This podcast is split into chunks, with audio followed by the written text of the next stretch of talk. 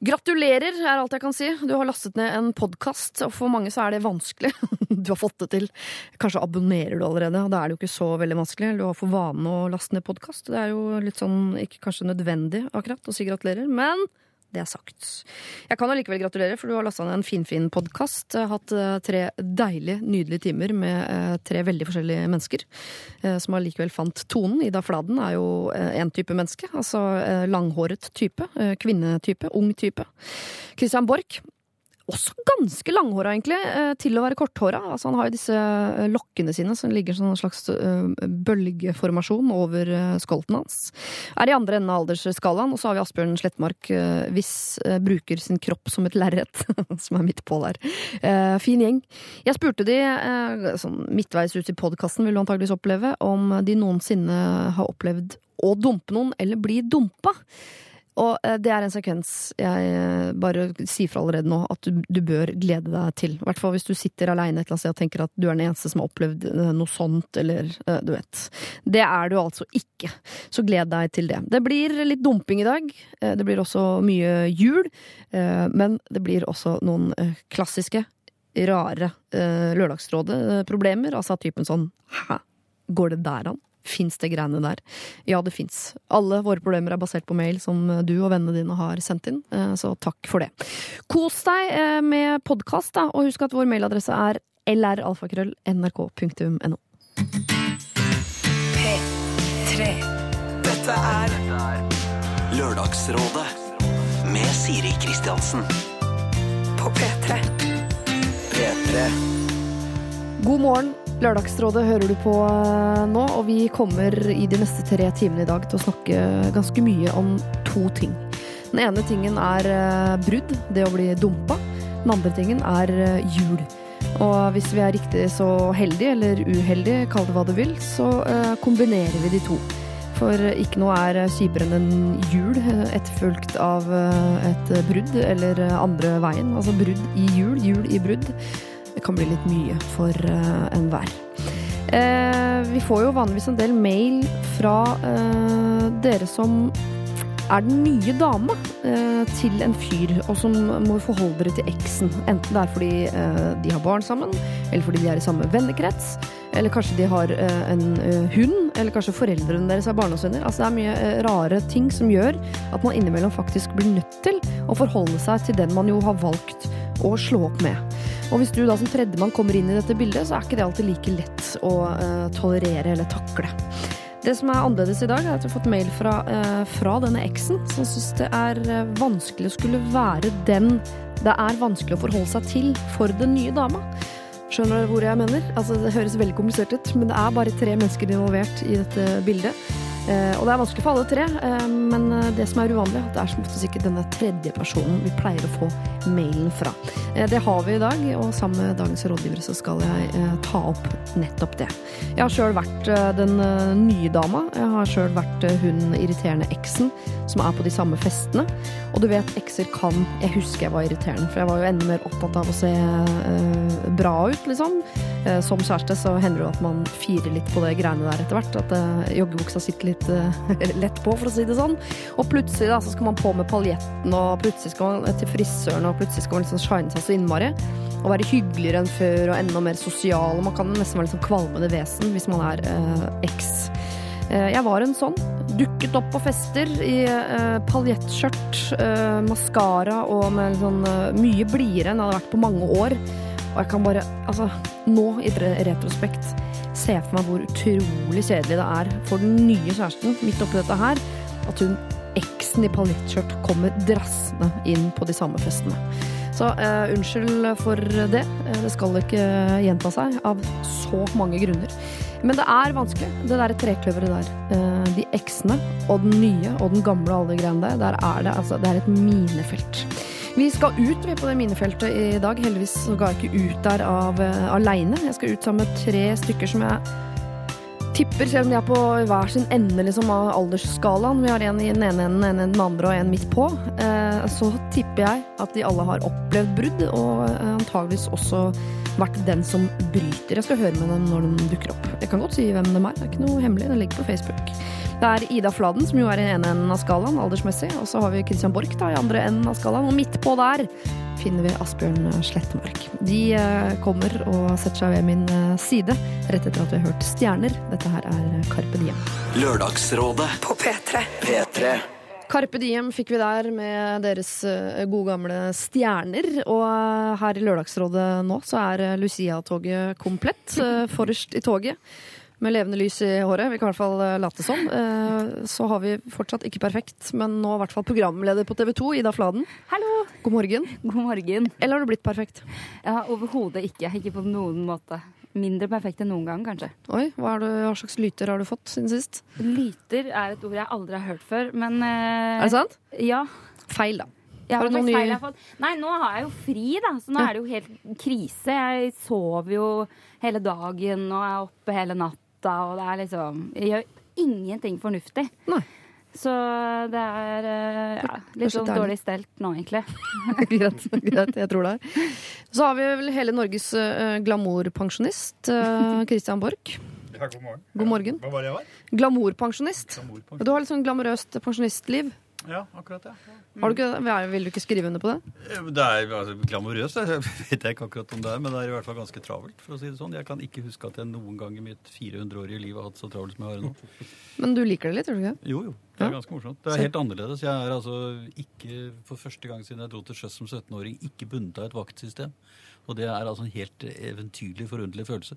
Er det som du vet når man tar av seg badebuksa og kaster seg på sjøen? Er det den type følelsen? Sånn, du sender et nakenbadefølelsen? Nei, ikke helt, må jeg si. Kanskje på en måte. Jeg vet ikke om jeg fant den metaforen der helt samsvarende med den måten jeg opplever dette på, men eh, den var jo morsom, for så vidt. Det er en frihetsfølelse ut Sirisk, av vil jeg si, men ikke nøyaktig maka til min. Kom fra en lang tradisjon av nakenbading på Ja. Kristiansens side. Eh, og bakerst i toget eh, står altså eh, Asbjørn Slettmark, hvis kropp er et lerre- lerret, har jeg valgt å kalle det. God morgen. Ja, god morgen. Trives du bakerst i toget? Ja, veldig hyggelig. Det er jo sånn jeg pleier å tilbringe livet, f.eks. på konserter. Stå bakerst i lokalet med armene i kors over brystet og være musikkpoliti og synse og litt sånn. Ja, ja, mm, mm, ja, må få nå se, da. Er det profesjonelt, eller er det noe kred? eh, hva Nei, det er vel mest eh, en sånn eh, vane etter å ha vært på fryktelig mange konserter og forskjellige kulturarrangement opp gjennom årene, at eh, en vet jo at sånn halvveis så kan det bli fryktelig kjedelig, og da er det greit å bare kunne moonwalke ut eh, utgangen uten at noen legger merke til det. Bra, Så hvis jeg plutselig bare er vekke her nå, Ja, så, Så er det for så kjedelig. er det for kjedelig. Ja, da beklager jeg det.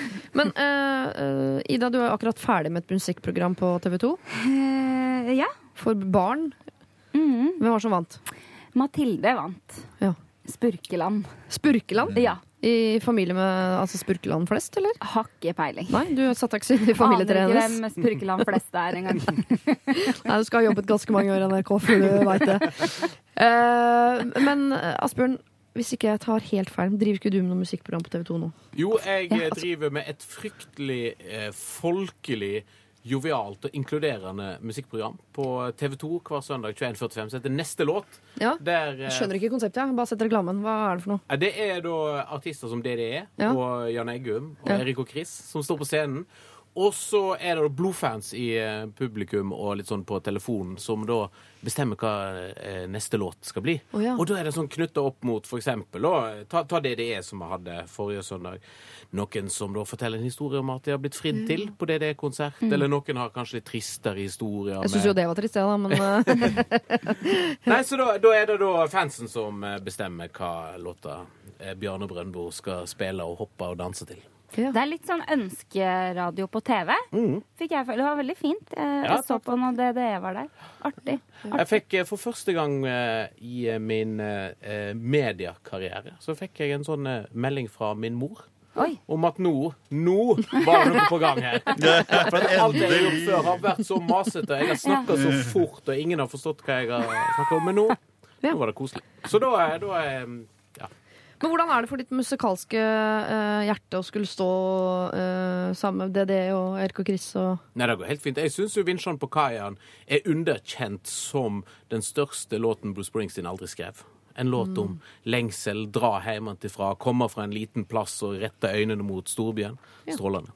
Er du DDE-fan, Kristian? Jeg hadde et veldig godt forhold til dem, for jeg hadde dem med som gjest i uh, Sommeråpne gang jeg var programleder der for ganske lenge siden. Fin gjeng. Ja, for de var brødrene fine, er det var- så var karismatiske lidderlig at det- morsomt, Og de var veldig begeistret. Og så f- fikk jeg da etter det et brev fra en norsk familie som hadde reist på turistferie i pakkereise til Rodos og hadde kjedet drøverne. Altså. De syntes det var helt forferdelig. Det var bare utlendinger der, og det likte de ikke.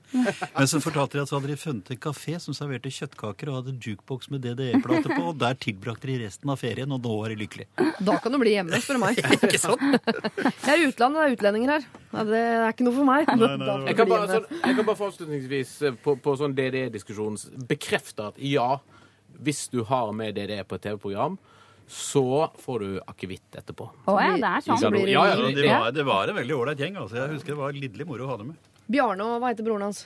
Es Eskil. Eskil og Bjarne Brøndbo, ja. Ja, ja. Det er koselig eh, bror, brortrupp. Ja, da blir det liv. Rai, Ja. rai. Dere vil ta en kjapp runde på sivil status, uh, og gjerne dra med i den sivile statusen uh, om dere skal feire jul sammen, og hva dere da eventuelt skulle komme til å måtte spise. Ja. Asbjørn. Eh, samboer, kjæreste, jul eh, hjemme nede i eh, Vika i Oslo med forhåpentligvis pinnekjøtt brakt over fjellet. Eldhusrøykt pinnekjøtt av, fra svigerforeldre, som jeg tror kommer på besøk. Så du skal ha jul hjemme hos deg hvor du bor med din kjæreste, og hennes foreldre kommer? Ja. Hva med dine, da? Nei, mine foreldre eh, Mamma er da hobbyklokker i eh, kirka hjemme. og sånn klokke, ja. Jeg så for meg urmaker, var jeg på. Ja, nei, nei, nei, altså, så hun, eh, hun har eh, sitt ansvar i Kvinnherad kirke. Så mm, jeg tenker Men altså, jeg har jo da tradisjonelt sett ikke feira så masse jul hjemme de eh, siste 15 årene. Vært veldig ofte ute og reist av, av forskjellige grunner. Så da at jeg ikke kommer hjem til jul, er ikke noe sånn stor, stor Det er tradisjon, det. Ja, det er på en måte tradisjon. Men med, så da blir det vel gjerne en tur før eller etter og spise pinnekjøtt, og så koser vi oss sammen. Ja. Ja. Det er ikke jul før Asbjørn ikke er her. pleier han å si. Åssen er det med deg, Christian?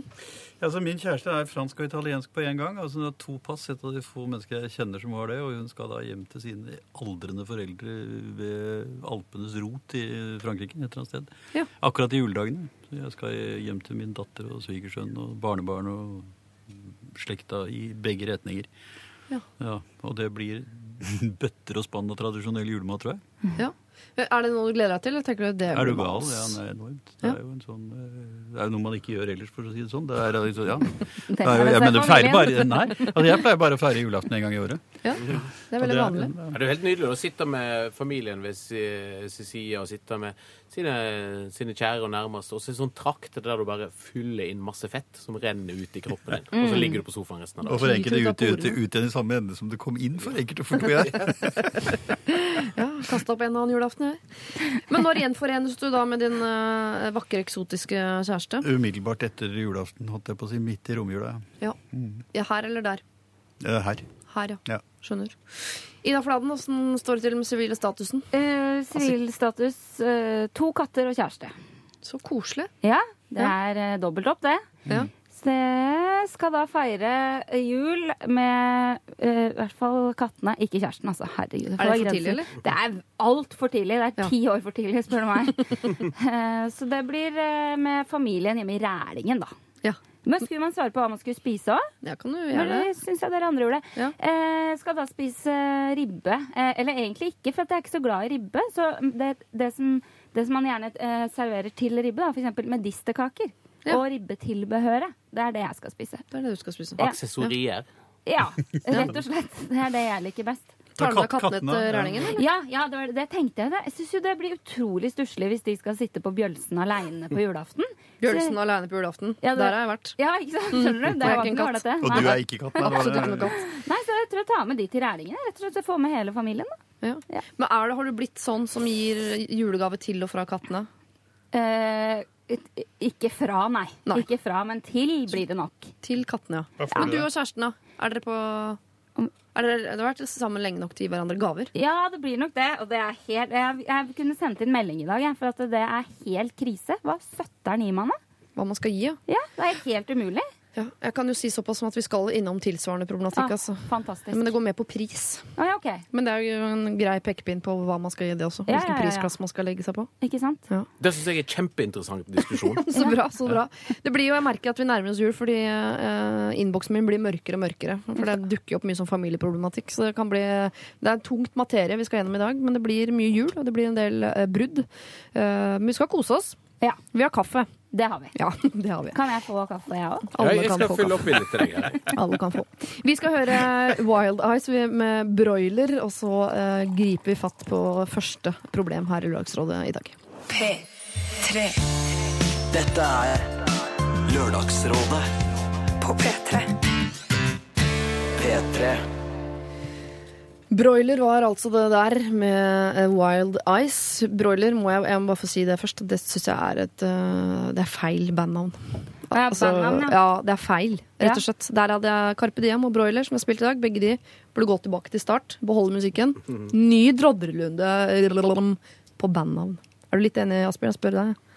Ja, litt Carpe Diem spesielt tror jeg hadde nok hatt godt av et eh, annet bandnavn. Men så er det jo sånn at den er blitt så mantra. Altså Karpe Carpe Diem er Karpe. Ja, altså. enig. Ja. Ja. Men Men, broiler, liksom. broiler? Hva- Broiler er jo en, en bole bola kylling. Når du spiser kylling, oh, ja. har du aldri stussa over sånn Oi, det var en veldig stor kylling. De er jo bitte små jo, gule. Det er fordi du spiser broiler. Okay. Det er bola kylling. Ok, det er et dødsdårlig navn, da. Ja, det er veldig dårlig. Altså, det er de stygge hønekyllingene som bor liksom 10 000 stykker på tre kvadratmeter. Ja, Og ikke har pels eller fjær eller hva de driver med. Så det, ja. Er ikke en broiler òg en sånn ung politiker som bruser litt med fjærene? Jo, det er som Ja, men broiler. det kommer jo noe Ja. på høna. Altså ky- kyllingen, mener jeg. Det gjør Ja. det, ja. Ja. Støft, støft opp av sin egen selvfortreffelighet. Da har jeg jommen meg lært noe i dag òg. Ja, er det ikke fint? Jeg har lært ganske mye. Og vi har, så vidt begynt. Ja, ja. Og jeg syns vi har gitt gode råd til både broiler og Carpe Diem Ja. om hva de burde gjøre med livene sine. Ja, Det var ikke det vi egentlig skulle. Nei, Nei. nå skal vi gi råd til eh, altså eksen. Vanligvis så får vi mye mail fra den nye dama som problematiserer det å skulle være sammen med kjæresten sin. Og den gamle kjæresten til kjæresten hvis de er i samme vennegjeng osv. Mm. Men nå har vi fått problem fra andre siden. Altså fra ekskjæresten. Her står det. Kjære Lørdagsrådet. For omtrent ett år siden ble det slutt mellom meg og min daværende kjæreste. Vi hadde det bra sammen, og selv om det var jeg som tok initiativet til bruddet, var det tungt for oss begge. Selvfølgelig har vi mye til felles, både interesser og vennekrets. Problemet mitt er at eh, vi eh, stadig treffer på hverandre. Enten det er på fest, konsert eller andre sammenkomster. Dette er ekstra bittert for meg, i og med at eh, de fleste av vennene våre opprinnelig var mine. Vi har ikke egentlig snakket sammen etter at det ble slutt, og vi burde kanskje ha den store samtalen, bare for å rydde opp i ting og gjøre det hele mindre ukomfortabelt. Jeg tror grunnen til at jeg ikke har tatt kontakt, er hans nye kjæreste. Hun blir veldig fort sjalu og mistenksom, og hun sender meg skulende blikk om jeg og kjæresten min f.eks. hilser på hverandre. Jeg hater det. Det skaper dårlig stemning, og jeg har jo ingen onde hensikter. Hva skal jeg gjøre for å unngå disse ukomfortable møtene? Må jeg slutte å dra på fest og sosiale arrangementer? Må jeg skaffe meg nye venner? Jeg trenger hjelp. Hilsen fastlytter, rådvill og festglad jente. Altså, hun, jeg syns hun høres grei ut, for hun prøver på en eller annen måte å ta hensyn til den nye dama. Jeg syns hun høres helt konge ut, jeg. Ja, Eh, Jeg syns hun hørtes veldig kul ut. Det kan hende det er sånn hun prøver å fremstille seg selv, da. ja. Men er ikke De nye damene, Mm. de, er, de må skjerpe seg, altså. Ja. De, men de er jo ofte sånn. Sjalu uansett, tenker Ja. du, eller? Jeg kan relatere meg litt til det problemet der. men, men hvorfor er det sånn? Fordi det, det er jo slutt. Det er jo ferdig. Det er jo de som har nå. Det er de som Ja. har fått den. Ja. De, så det er ikke noe grunn til at eh, det skal være et problem med eksen. Nei. Er Jeg er jo enig sånn på papiret, men uh, det er ikke noe Det var ikke det hun spurte om da hun spurte om hva hun skulle gjøre. Men det Eh, er altså sånn det er, da. Og det er jo for så vidt hennes problem her. fordi at akkurat det der hun nevner med at eh, ikke sant, mange av de som er hans venner, og som de går rundt, det var hennes venner, og nå er det liksom ikke det mer, på en måte. Nå er det Mm. mer hans. Og det er klart det er bittert, og det er en problemstilling som alltid oppstår ved et brudd. Ja. Og jeg tror det er kun én måte å forholde seg til det der på, og det er å heve seg over alle de forestillingene om at dette er synd og dumt osv., og, så videre, og så prøve å være så naturlig som mulig. Og ikke tenke at uh, kanskje ikke liker de meg mer, kanskje liker de han bedre osv., og, og ha hele den der angsten rundt det. For det gjør også at hun fungerer dårlig selv i forbindelse med de andre på et rent menneskelig plan. Hvis dere skjønner hva jeg mener? Hørtes Ja, dette veldig abstrakt hun- ut? Eller? Nei. altså, ja, nei. Altså, jeg må, jeg må kaste meg eh, rett på å henge meg fast på livskunnskapen til eh, Borch her. Ja, For jeg er helt enig. Det er veldig vanlig. Jeg, eh. Jeg- For jeg tror nemlig at dette er et problem som blir større av at eh, Hvem var det som hadde sendt inn problem? Var det et navn? Hun kaller seg eh, fast lytter, rådvill og festglad jente. Det er veldig langt. Ja, altså vi kaller henne for fast lytter, da. Ja. Eh, Den, den faste lytteren, jeg tror kanskje at eh, det er hun som lager litt av dette problemet. Ja, det var det. Ja. Eh, At eh, hun går inn i situasjoner med den nye eksen her og tror at eksen skal være sjalu. At eh, det er en sånn Nei, altså innsender er eksen. Ja, men ja, nei, jeg tenker på den nye dama. Oh, ja, altså, sånn, ja, den nye Mm. dama er Ja. At det virker som om da fast lytter Mm. har en forventning om at den nye dama skal, skal være sjalu. Og at det rett og slett Altså, det, det høres jo kanskje litt sånn litt, litt for enkelt ut, men rett og slett bare eh, må bare fortsette å leve livet sitt. Gå på fest og oppføre seg noenlunde vanlig, og ikke ha i bakhovet eller framhovet eller hvor det måtte være, at her er det kjempemasse problemer. Her er det sjalusi i rommet. og sånn. Men jeg er litt uenig. Eh, fordi det er ofte sånn at eh, jeg tror ikke hun ville funnet på Det er veldig mange jenter som ikke har en forventning om at den nye dama skal være sjalu, som tenker dette er OK, og eh, jeg har jo et OK forhold til eksen min, så Ja. la oss møte den nye dama. Og det, det har jeg mange historier på, da. At det også bare er hun en bitch. Og så har man egentlig ikke forventa det i det hele tatt. Man tenker å herregud, nå er jeg liksom eksen, og dette blir kleint, og hun har liksom vunnet, og, eller i det hele tatt. Og så er det sinnssykt dårlig stemning, da. Så det, det kan også stemme at hun har fått de blikkene. Kanskje hun ikke var forberedt på det. Kanskje ja, at det bare var sånn. Jeg tenker Du kan ikke ha feiltolket de blikkene, da? At det rett og slett er en for... Jo, men altså, Du mener ikke nødvendigvis behøver å være sjalusi, men at det rett og slett er en form for angst? Altså en Ja, uro, en usikkerhet hos jo. den andre? det tror jeg. Og det, altså andre menneskers usikkerhet kan du bare møte ved å være helt eh, naturlig og avslappet, tror jeg. Jeg tror det jeg ville gjort For det, det jeg hørte, så var det liksom hun nye dama som var liksom hovedproblemet, eller som gjorde at det var ekstra vanskelig. Jeg hadde tatt en prat med henne, jeg. Bare Altså en alvorlig prat, eller Nei, mer sånn 'hva nei. spiser du i jula'? Nei, ja, prat? mellomting, da, Ja, Siri. ja. Eh, med sånn eh, at jeg, jeg får, at jeg får litt, litt dårlige vibbe fra deg, men jeg er egentlig bare interessert i at vi alle kan fungere sammen. Hvis jeg da hadde vært den nye dama, da hadde jeg satt sykt pris på. For jeg tror at i oss jenter så er det sånn, en sånn liten greie mot eksen.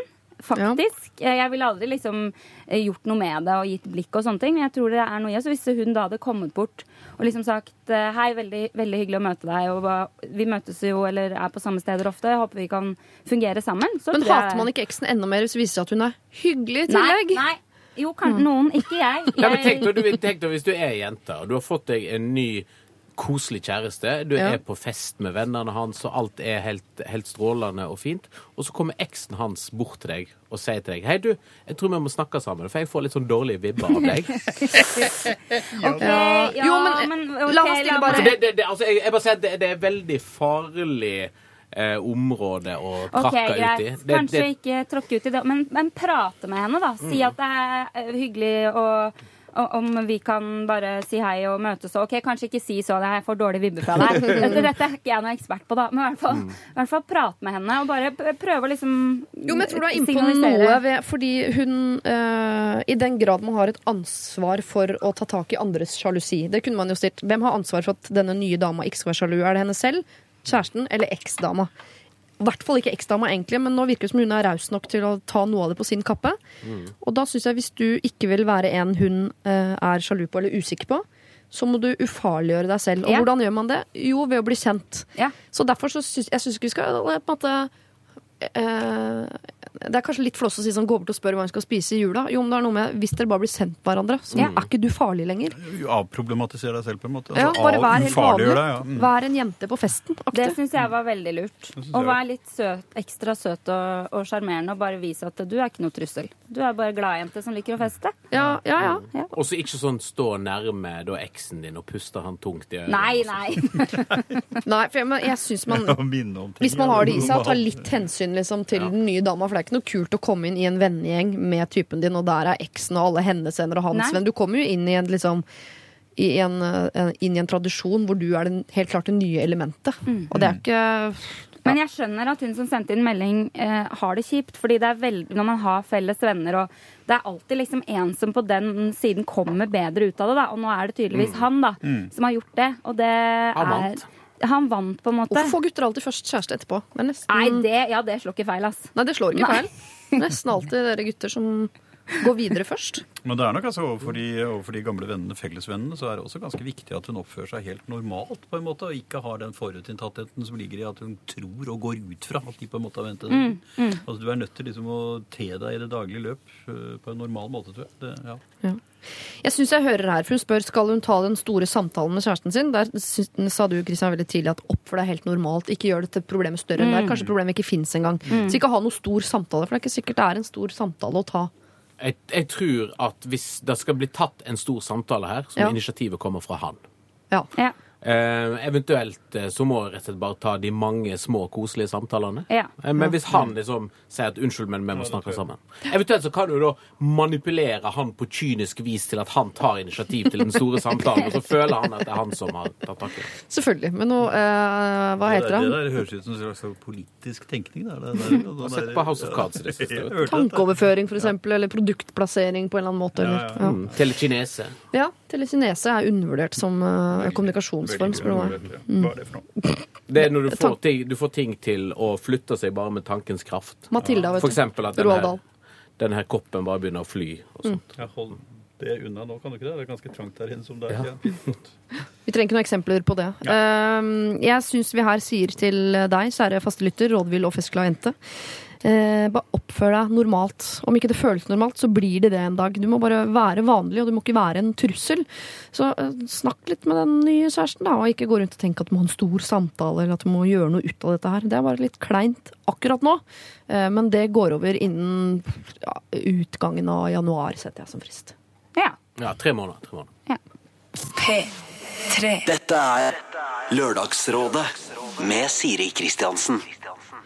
Susanne Sundfør fikk vi der med The Brothel, og før det Thomas Stenstrøm, 'Slå meg hardt i ansiktet'. Ikke et råd fra meg, men tydeligvis uh, i hvert fall et tips fra Thomas om hva som kan gjøres. Vi har allerede snakket om uh, gammel kjærlighet og ny kjærlighet, um, og jeg har lovet at vi også skal innom dette med hva med julegaver, da, midt oppi gammel og ny kjærlighet. Blant annet i ditt tilfelle, Ida. Du er Ja. usikker på hva du skal gi til den nye kjæresten. Yep. Uh, men vi er helt sikre på at du ikke skal gi til, til den gamle, ikke sant? Ja, det er vi helt sikre på. Hei, kjære rådgivere, står det her. Og det er jo da deg, Ida. Så er det Christian Borch og Asbjørn Slettmark. Jeg har et gaveproblem. Jeg har funnet verdens beste mann, og han er absolutt, absolutt noen jeg vil satse på. Vi har datet i fire måneder og har det kjempebra. Vi snakker om å flytte sammen til sommeren, og snakker ellers mye om framtida. Vi studerer samme by, men til jul skal begge hjem til sine familier i forskjellige byer. Her om dagen fikk jeg julegaven min, nydelig pakket inn, og eh, helt tydelig at det er fra en gullsmed.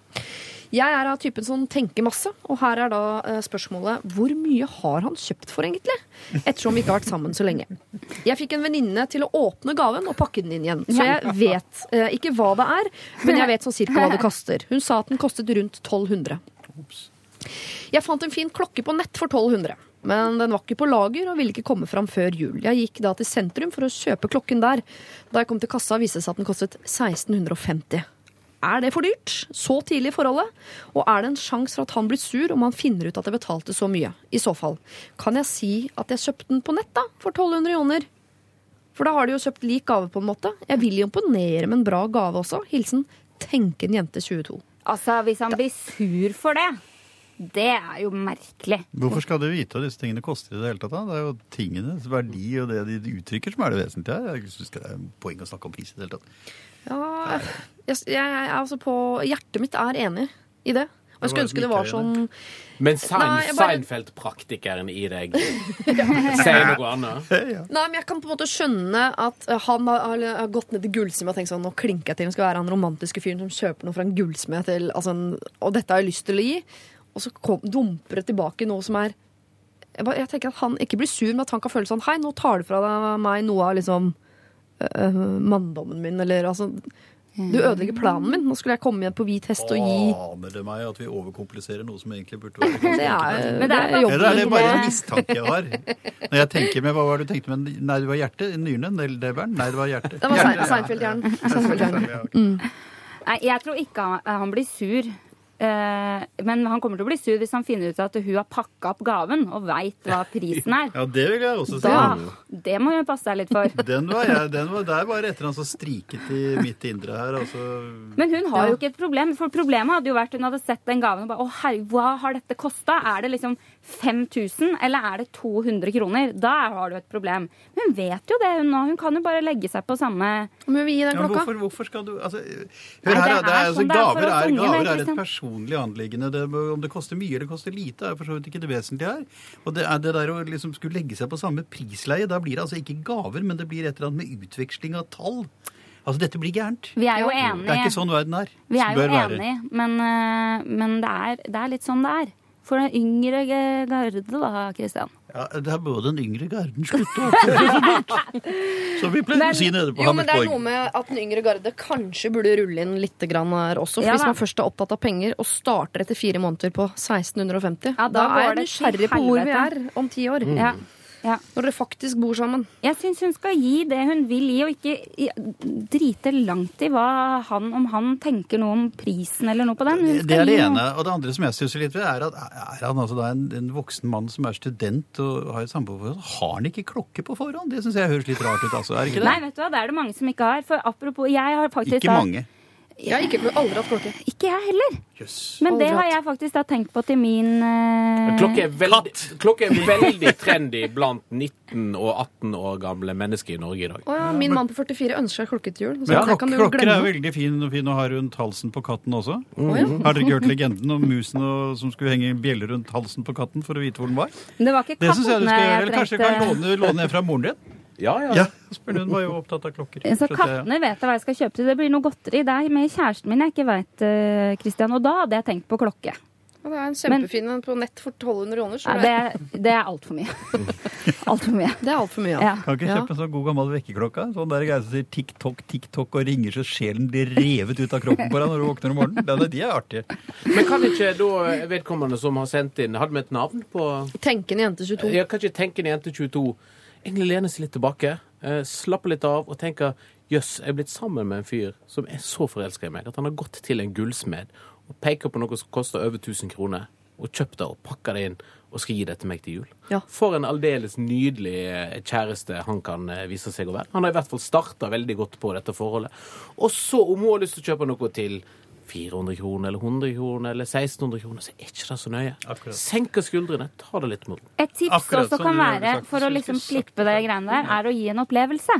Ja. Heller, da. For at da, da blir det ikke noe sånn måling opp mot uh, gjenstand. Noen konsertbilletter eller uh, en middag, altså på- et eller annet sånt. Da har de, da har de liksom gått i helt forskjellige retninger uansett. Han har kjøpt et eh, smykke, hun gir en opplevelse. Men nå virker det som om eh, det er tenkende jente 22 år som er mest opptatt av prisen. Nå kjenner vi jo ikke Ja. han, eh, men hun er tydeligvis veldig opptatt av penger. Så opptatt av penger at hun har åpnet en gave for å sjekke hva den koster før jul. Ja, det er- det, er litt usunt. Hun har til og med inngått en konspirasjon ikke- med ei venninne for å finne Ja. ut av dette. Det er ikke, bra, det der. Jeg, vi må jo på en måte gi han benefit of the doubt her og si sånn gi noe til 1650, da, for han kommer jo ikke til å google Nei. hva den så- klokka koster. Og så tror jeg vel jeg vil komme med tips til, til da, Tenkende jente 22.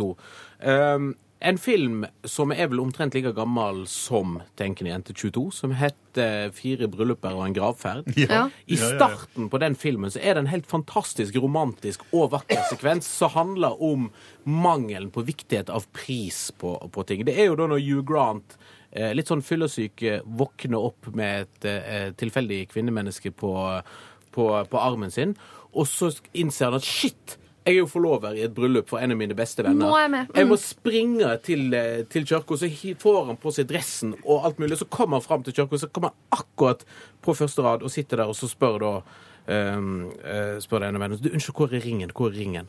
Og da skal jo han være Han skal jo da ha ringen, men så har han jo glemt den hjemme. Men så tar han, og så finner han fram da en sånn liten plastring. Som da blir ringen i dette bryllupet, og det er en av de mest romantiske sekvensene på film noensinne når den plastringen blir overgitt. Så se begynnelsen på Fire brylluper og en gravferd. Ikke tenk så nøye på kvittering og faktura og penger og sånne ting. Tenk på å ha det fint sammen og gi hverandre et eller annet som betyr noe. Enig. Det blir et uh, nydelig uh, budskap nå i førjulen å gi til deg, tenkende jente. tenk litt mindre.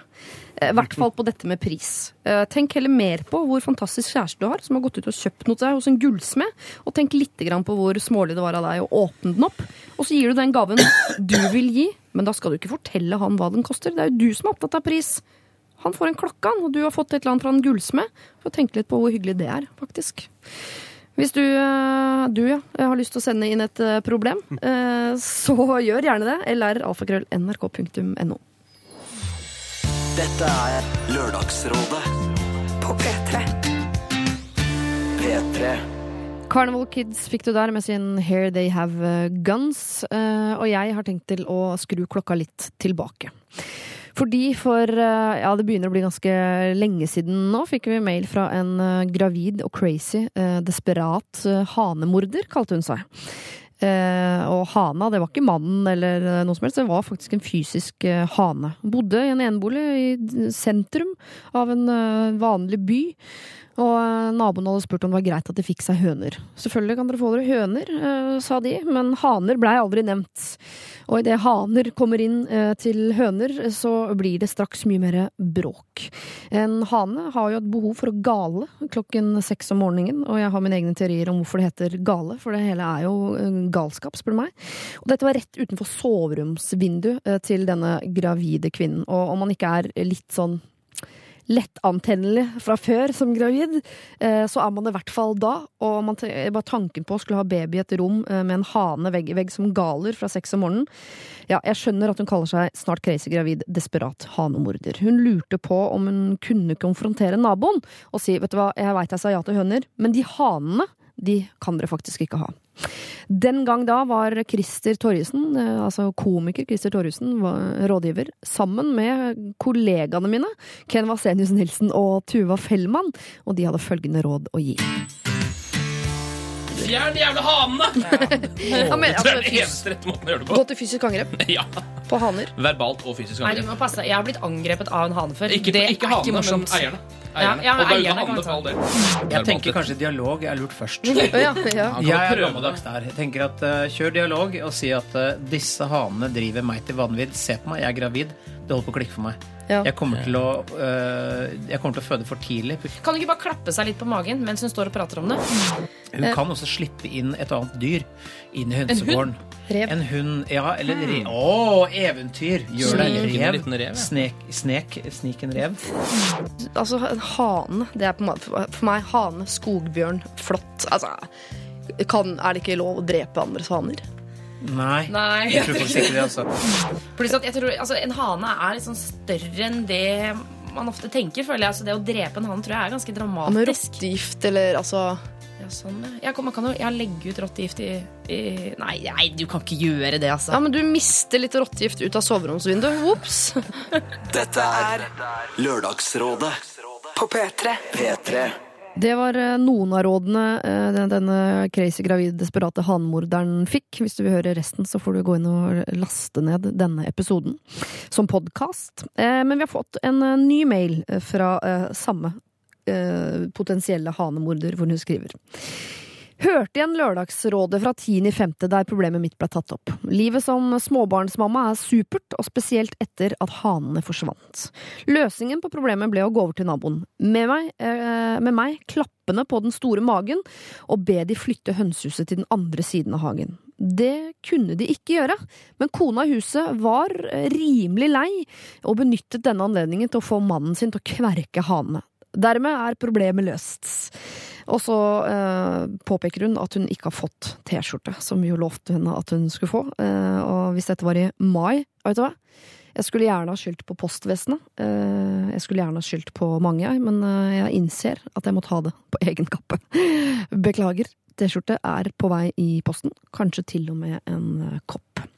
Flere kopper skal det deles ut i dag, både til deg som gjettet eh, gåten på Facebook om hvem det var som skulle være rådgiver i dag. Du har fått en kopp. Og helt på slutten, altså opp mot klokka tolv i dag, så kommer vi også til å dele ut en kopp til eh, den av innsenderne som rådgiverne føler at har størst behov for en kopp, antageligvis. Den er fin, altså. Jeg lover.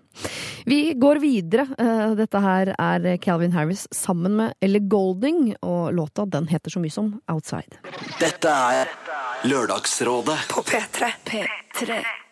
Jeg vil tørre påstå at Guns N' Roses er noe bakpå med denne November Rain, men det er jo uansett koselig å høre igjen eh, låta.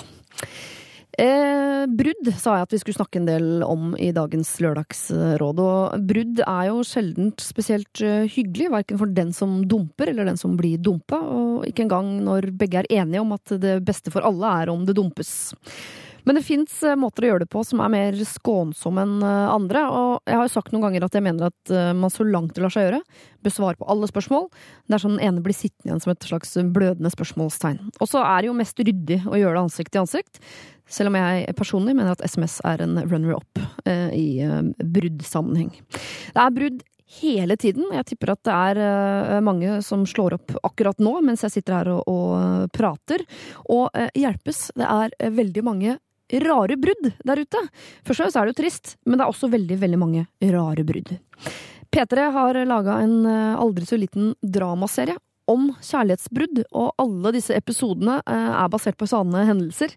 Og min favoritt er kanskje eh, den episoden med han som runker mens dama slår opp. Kom ikke her og si til meg at det er normalt. Jeg håper det er en engangshendelse. Eh, Denne og alle de andre små historiene, ti i, i, totalt, ble lagt ut på p3.no og på P3 sin egen YouTube-kanal på mandag som var. Og sender jeg internett rett, så ligger det der eh, fortsatt. Så det kan være eh, veldig underholdende å se, og kanskje du slipper å føle deg så aleine hvis du nettopp har blitt dumpa sjæl på en litt rar måte. Lørdagsrådet På P3. P3 Eh, Ida, Kristian og Asbjørn. Jeg skulle spørre dere, for vi skal eh, snart ta tak i litt sånn uh, bruddproblematikk. Eh, har dere blitt dumpa noen gang? Å ja. Så jævlig òg. Ja. Ida har blitt dumpa. Ja. Sånn at det gjorde vondt ja, veldig. av eksen. Ja. Er det, altså, er det så vondt at du ikke vil snakke om det, eller kan du fortelle Og eh, det er ikke det er, det er så vondt. Det er, bare, det er jo litt privat, på en måte. Ja. Så jeg tror jeg skal skåne Men eh, kan vi, Han, Var det kanskje. face to face, eller er vi på eh, SMS, eller? Det var face to face, men Ja. det kom eh, for å si det kort, det kom veldig som eh, lyn fra klar himmel, da, rett og slett. Det var det som var problemet. Ja. Ja. Lyn fra klar himmel er ikke noe hyggelig, ass. Nei, det er lite koselig. Ja. Hva med dere da, gutta? Har blitt dumpa noen gang? Svaret er ja. ja. Og det er hele svaret også. Det Ja. kommer ikke noe bak komma der. Mm, ja, nei, altså Jeg har vel generelt vært eh, blitt dumpa og så innsett ganske kjapt etterpå at det var til beste for alle involverte. Ja, men sånn er det jo faktisk ganske ofte. Heldigvis.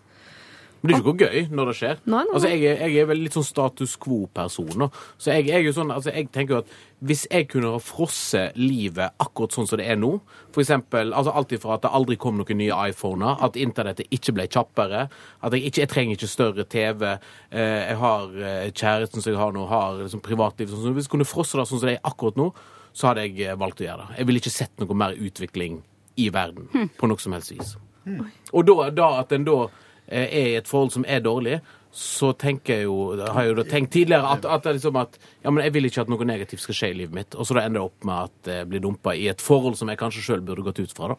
Men det der med status Mm. quo, gjelder det politiske situasjoner og den type ting også? Nei, nei, ikke akkurat noe vi kunne spolt noen år tilbake, kanskje. Ja. Nei, men så, så, altså, ti- ti- altså, så lenge ting er greit, Ja. sånn, så funker det.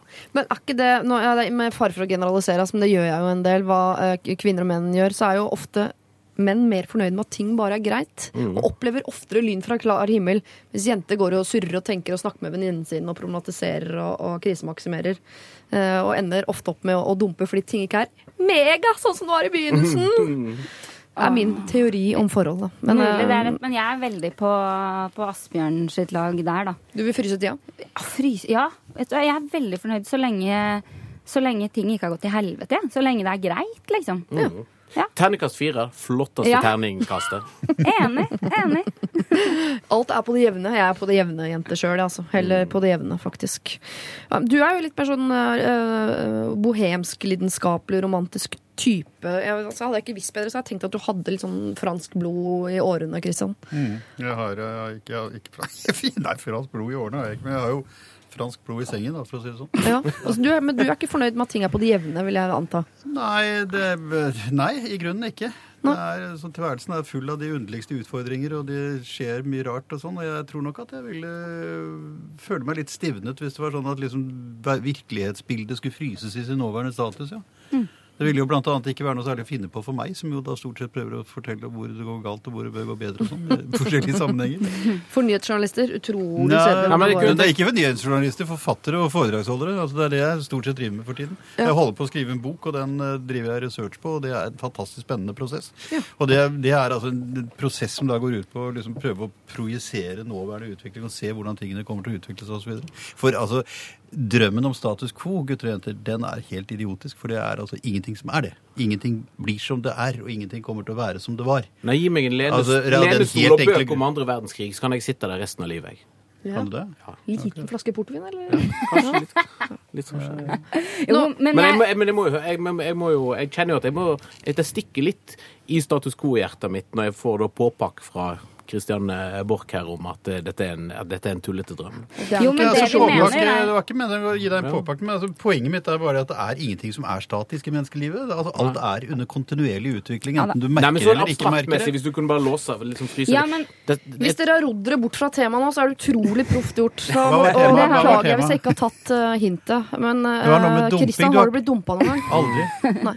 Aldri? Ja, aldri. Åh, Men du har hatt gleden av å dumpe, eller? Ja, ja, glede vet jeg ikke om jeg hadde, men jeg har dumpa, ja.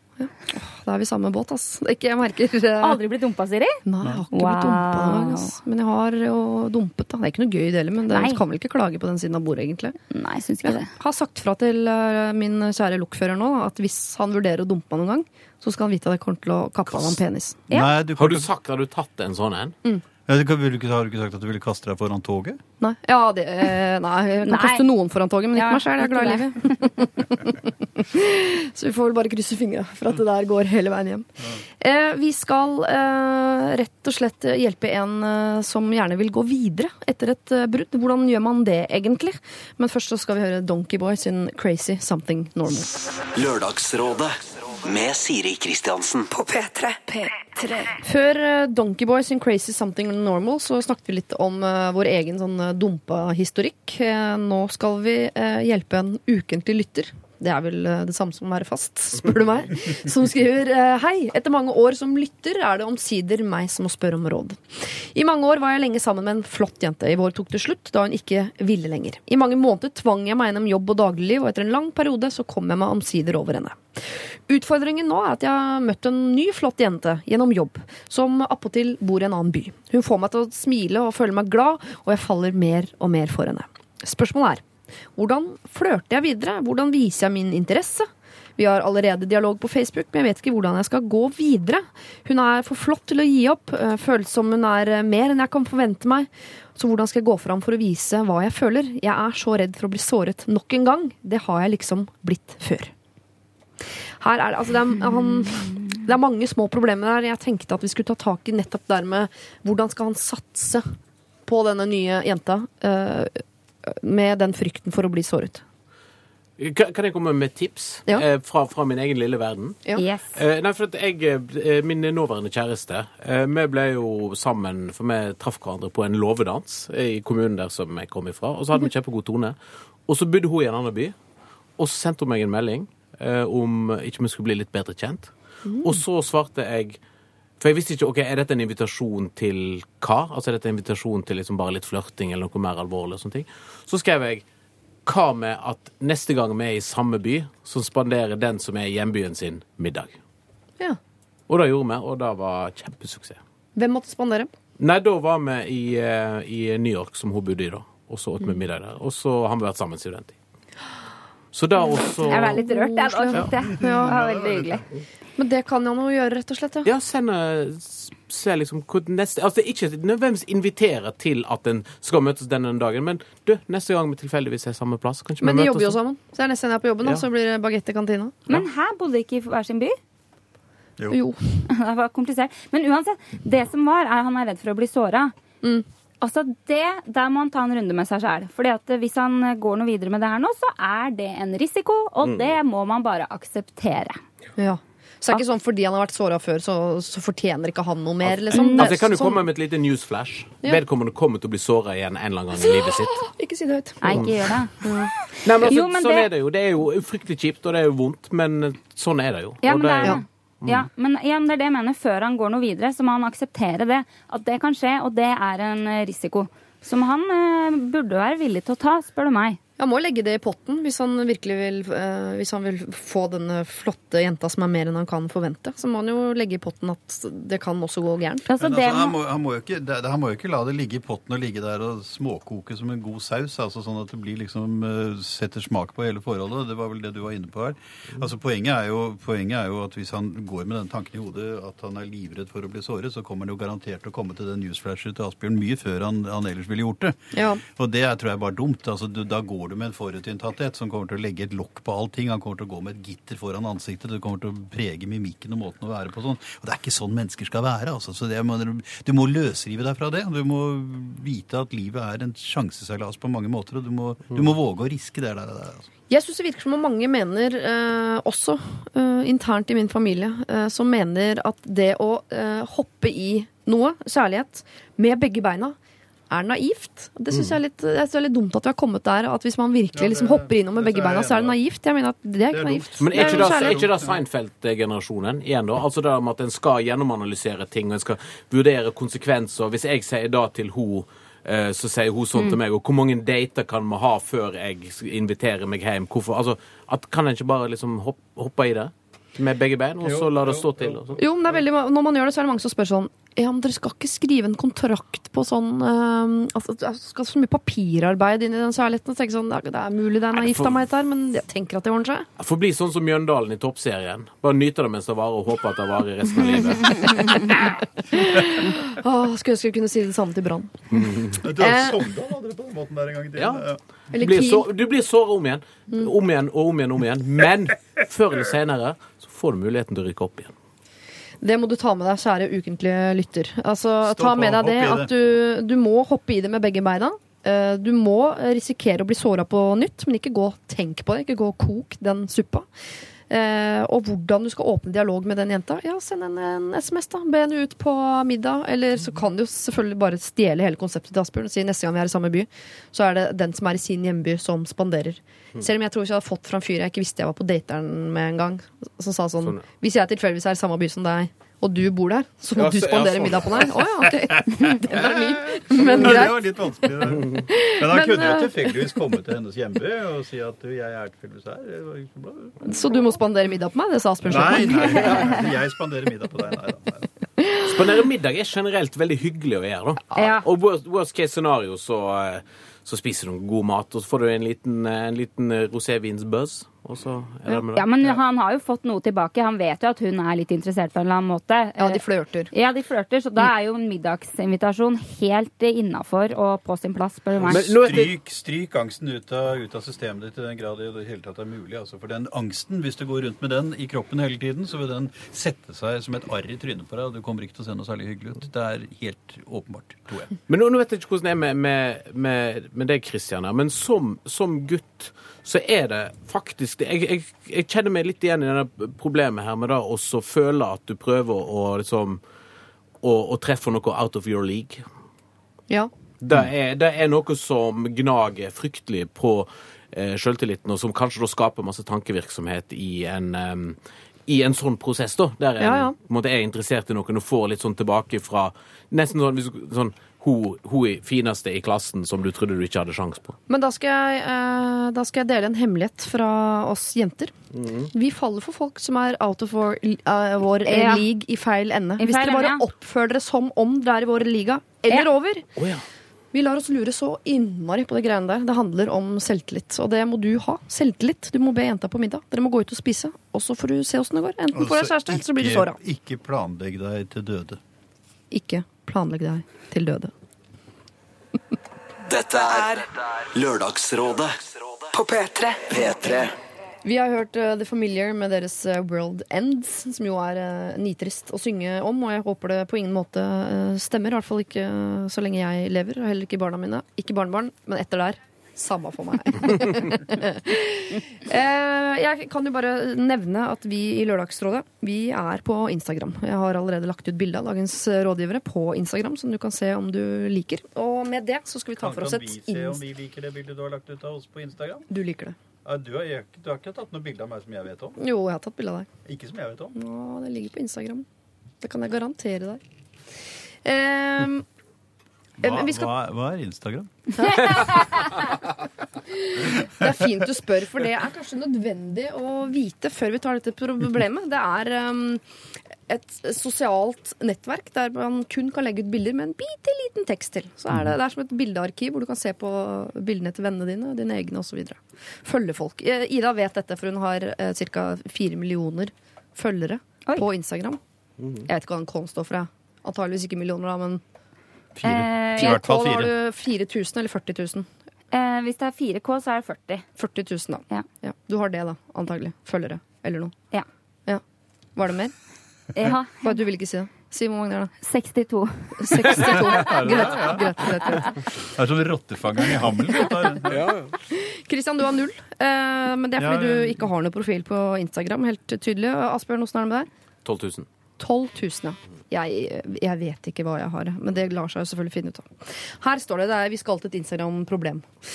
Kjære, fine rådgivere.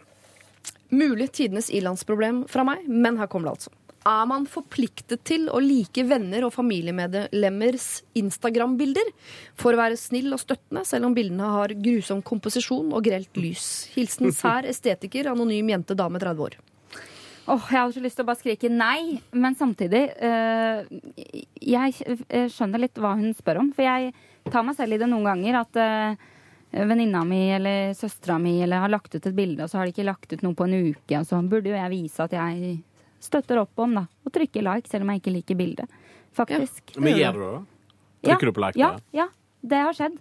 Det har skjedd. Mhm. Jeg har ikke tatt stilling så langt. Jeg bare, så, så liker jeg det jeg liker innpå der. Ja, men Men det er liksom sånn. Typ da, Hvis uh, si lillesøstera di har eh, 21 følgere, da. Ja. Og så er det ingen som har likt bildet, ikke sant? Og så er du hun storesøstera med 62K. Ja, Da er du liksom nødt til å øh, gjøre, like det. Da må like Jeg gjør, det. jeg gjør det for å være hyggelig. Ja. Men er det også sånn da som sier på Facebook 'ja, jeg kommer', og så gjør du ikke det? Du bare prøvde å være hyggelig? Ja. Ja. ja det stemmer. Har alltid det. Der har du meg. Der har du meg. Jeg syns, jeg syns du skal bare trykke på like. Jeg. Altså, det skader det din kredibilitet som vanskelig estetiker og kunstkritiker at en trykker på like på et bilde som kanskje er litt vindskjevt eller har litt uh, dårlig lys? Nei. Det betyr absolutt ingenting for deg, men det kan kanskje bety veldig masse for deg, enten denne lillesøster eller denne her eh, voksne tanta som eh, har prøver seg på disse rare sosiale mediene og sånne ting. Ja. Kanskje være litt raust og være litt hyggelig, da. Jeg liker alt mamma legger ut på Facebook, eksempel. Hun har ikke Instagram, da, men Facebook blir jo litt det samme når du legger ut bilder der. Det er jo helt fullstendig krise. Alt er liksom sånn derre Hun lager sånne kollasjer, ikke sant? Med Ja. sånn vært på tur, fin dag i marka'. Og så skriver hun med løkkeskrift sånn Ja, Winter ja, det er og masse sånn derre smiley-fjes, og det er jo sånn at jeg blir jo rød i ansiktet bare jeg snakker om det nå. Trykk i like for å være hyggelig. Gjør det. Og det, da, det syns mamma er koselig. Hun sier det, hun. Så hyggelig at du liker alle bildene. Så tenker jeg, koster meg ingenting. Nei. Nei. Bare litt denne ene sånne fjerdedels kalorien å ta og trykke på like med tommelen. Plutselig ti år senere, musearm, ikke sant? Man er ikke forplikta, da, som eh, vedkommende spør om. Men eh, vær nå litt hyggelig, da. Ja, i hvert fall ikke, ikke skyld på sånn 'jeg er en sær estetiker', jeg orker ikke, for det er så grusom komposisjon og grelt lys. Og unnskyld at jeg tråkka på kunsthjertet ditt, da. Forklare, Der går grensen for meg, faktisk. Men jeg er ikke helt enig i at man skal like bare for å like, for da forsvinner jo noe av, av det å like bort, da. Hva om du virkelig liker et bilde men en du, dag, Her snakker vi om nære venner Ja, og familie. ja. Ja. Der faller det der til sides. Altså Alt det der med liksom valget om en skal trykke på like eh, eller ikke på noe, om det er morsomt eller ikke, det er på en måte utenfor da nære venner og familie. Okay. Det, det teller, teller ikke da lenger. Så innerste uh, sirkelen. Ja. Man skal trykke like uansett. Jeg fikk Ja, så nemlig kan de gjøre det hvis han har lyst til å være litt hyggelig og raus med Hvis folk. man vet, vet at det betyr noe for den som har lagt ut, Ja. eh, så syns jeg man skal trykke like. jeg. Jeg Du er nemlig- veldig stille nå, Christian. Dette er Ja. Måtte du nå, ja, så satt jeg her og var lykkelig og tenkte at nå, nå går det mot slutten av denne saken. Jeg blir ikke spurt, jeg blir ikke spurt. La, la, la, la, la, la, la. Og så kommer det. så. Jeg vet ikke, men altså, jeg tror at vår venn Barack Obama ville satt veldig pris på om noen republikanere hadde trykket likes når han la ut bilde av seg og sine podcast, for eksempel. Jeg savner en dislike-knapp, ja da. Det har jeg alltid sagt. Det Ja. syns det også må være lov å dislike, faktisk. Men blir du, blir du kjent når du liker eller disliker? Ja. Altså, Ja, det Ja, det, ja, det, Ja, ja, ja, navnet ditt kom Ja, opp. Ja. Altså Når du er da i den vennekretsen på 62 000 mennesker som følger deg, og det er altså noen som da på, i påfallende grad ikke trykker likes i en lang periode, så vil du vite hvem det er? Nei, men det går Nei, for at det, Gud, man klarer ikke å holde oversikt over hvem du, som trykker Nei, er like. som går- Altså, når jeg hører dere snakke nå, jeg er så lykkelig for at jeg ikke er på sånne medier. ja. Altså, Livet høres jo unødvendig komplisert ut, og Ja. komplett meningsløst. Men du skal vite at vi savner deg der inne. Ja. Åh, hadde jeg, ja, men jeg, ja, akkurat, ja.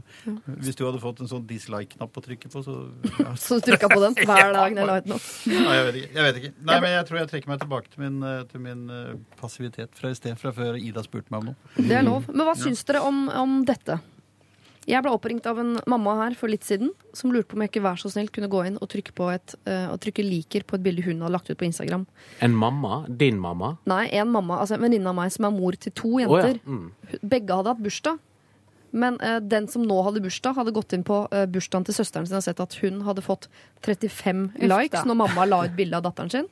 Mens hun selv bare hadde fått 21. Så hun ringte rundt og spurte om ikke vi kunne like bildet av den andre datteren for at de skulle komme på at det skulle bli like mange som likte. Det er jo helt forferdelig. Fordi hun var så lei seg for at Altså, storesøsteren hadde fått flere likes. Oh, Nå ble, jeg litt, nå ble jeg litt sånn gamle Borch her, da. Ja. Altså, som, eh, som tenker at eh, det er jo trist at det har eh, blitt sånn. Ja, det er Ja. veldig trist. Jeg fikk lyst til å melde meg ut av Instagram. Jeg var på grunn av det du sa der, Siri. Ja, Ja.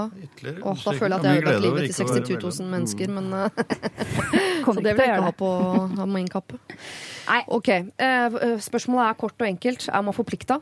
Hva svarer vi? Du er ikke forplikta, men du kan eh, Det er jo Altså, du kan spørre deg sjøl Er det noe problem om du trykker like på et bilde som har litt eh, dårlig lys. Mitt svar nei. Nei. Nei. Enig. Mm, Backer. enig. Jeg også er enig i det. Og det er Kristian også, hvis han hadde forstått hva vi snakket om. P3 Dette er Lørdagsrådet på P3. P3. Echo Smith var det der. Cool Kids. Og du hører på Lørdagsrådet, som er mottagelig for dine problemer. Eller lralfakrøll.nrk.no. Jeg tenkte jeg skulle spørre dere, Asbjørn, Christian og Ida, eh, litt om eh, hvor lang er julegavelista deres? Altså, hvor, hvor eh, Gir du gaver til kompiser, eksempel, Asbjørn? Nei. Ingen. Nei, altså bror min, eh, eh, foreldrene mine, kjæresten, litt sånn tante, onkler, noen søskenbarn. Ja, nei, det, det er det. Sånn Så jeg, jeg, jeg, satt og, og diskuterte med, med kjæresten min her om dagen, og har egentlig ganske kort liste, Ja. føler jeg.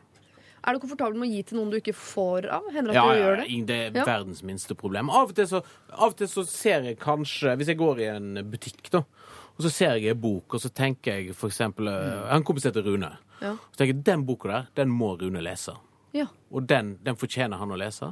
Så kjøper jeg den, og så sender jeg den til og gir den til han, og så forventer jeg absolutt ingenting tilbake. Og det er ikke noe sånn forfengelighetsgreie. Det er bare sånn jeg, jeg setter veldig stor pris på å gi ting til noen når du, når du da opplever at du treffer maks med det. For eksempel altså da bok, film, CD, noe som du vet gjør livet til noen litt bedre. Jeg forventer ingenting tilbake. Men Absolutt jeg ingenting. har en teori om at uh, jeg er helt lik på det der. Uh, jeg er helt komfortabel med å få gaver uten å gi, og jeg er helt komfortabel med å gi uten å få.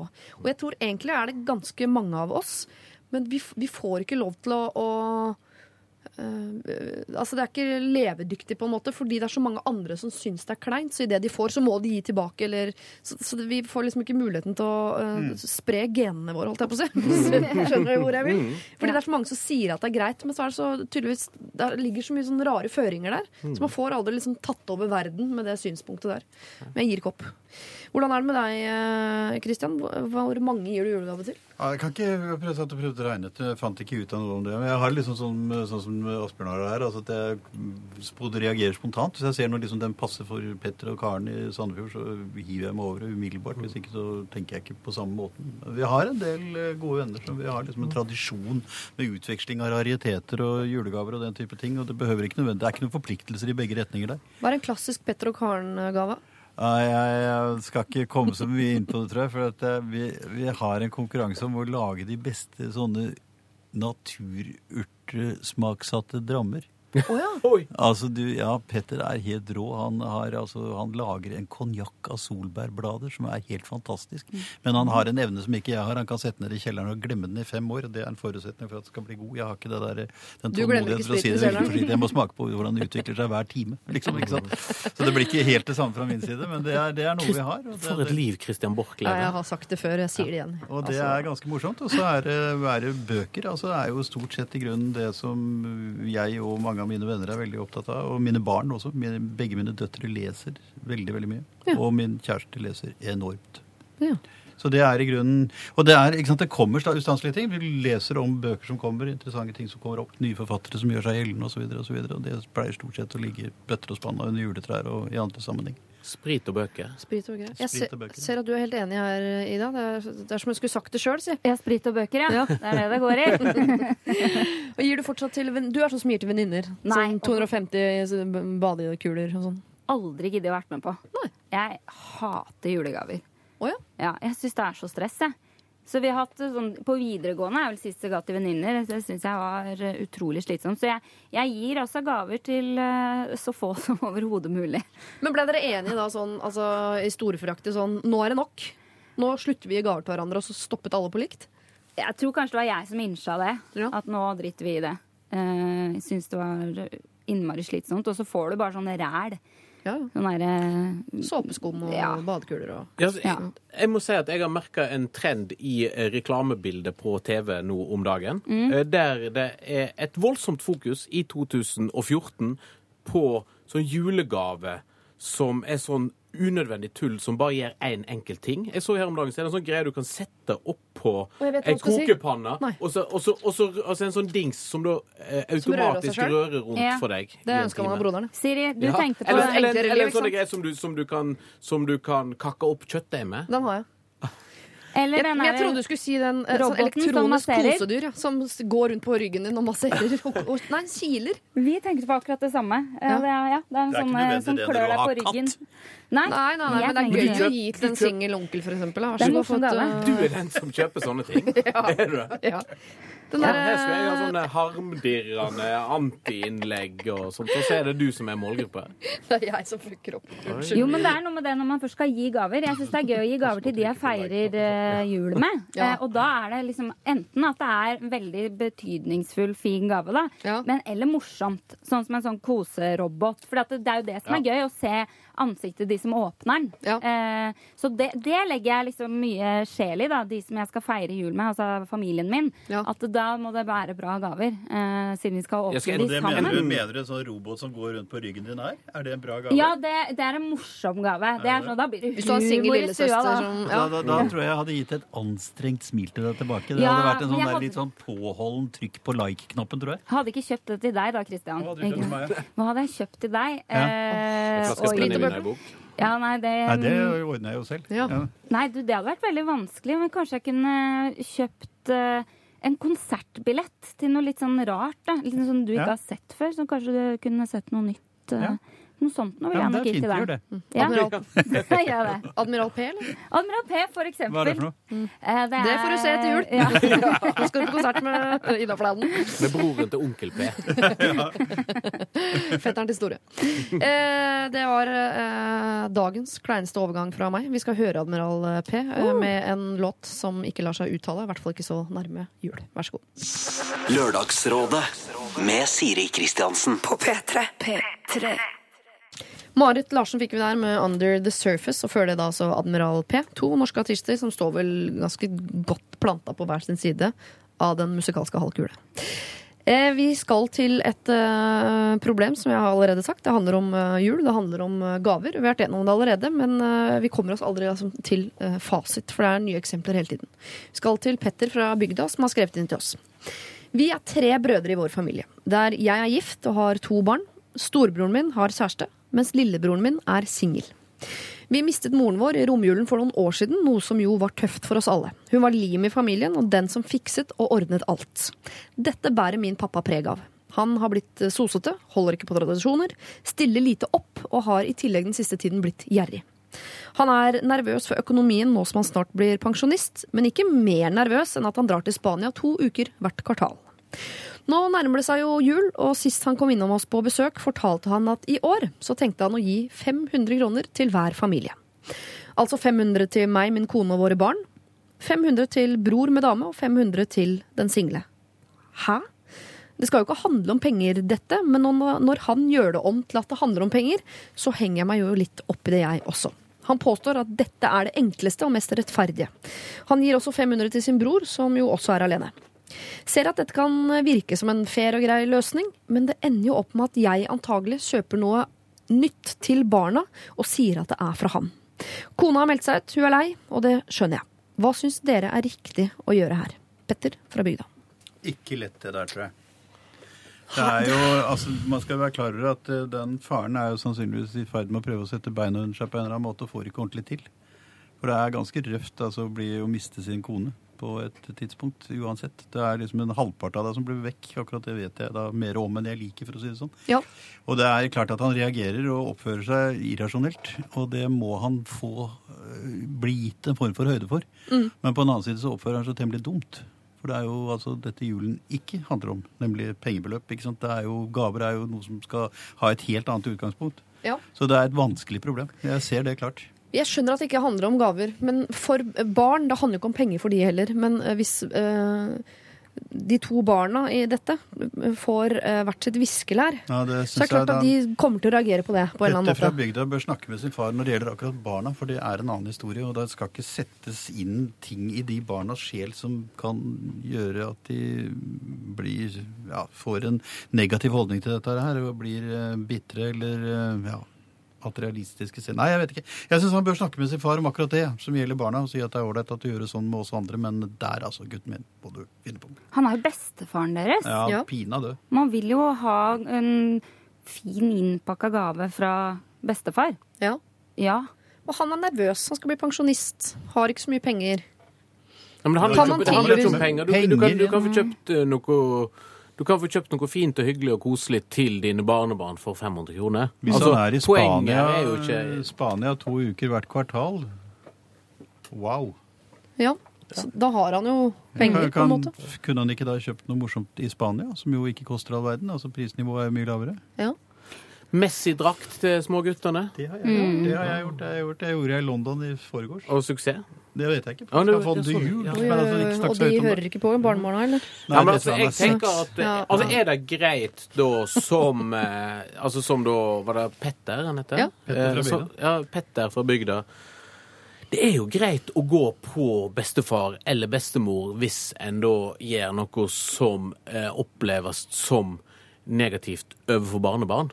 Altså, jeg tenker at eh, det, denne faren, da Altså, det må jo hva skal, altså, det er jo voksen nok til å tydeligvis takle at han kanskje ikke er så interessert i deres liv lenger, og at han oppfører seg litt rart, da. Det må jo, altså Sånn, Ja. sånn er det jo av og til. Så er en jo ikke enig med foreldrene sine. og syns det er rart. Men det er i forhold til i forhold til barnebarn er jo hellig, er det ikke? Mm. Da er det greit for, da er det greit for Petter å gå til sin far, og ikke som far, men som et likeverdig menneske, og si du unnskyld, men det er ikke greit at du gjør dette overfor, uh, overfor dine barnebarn.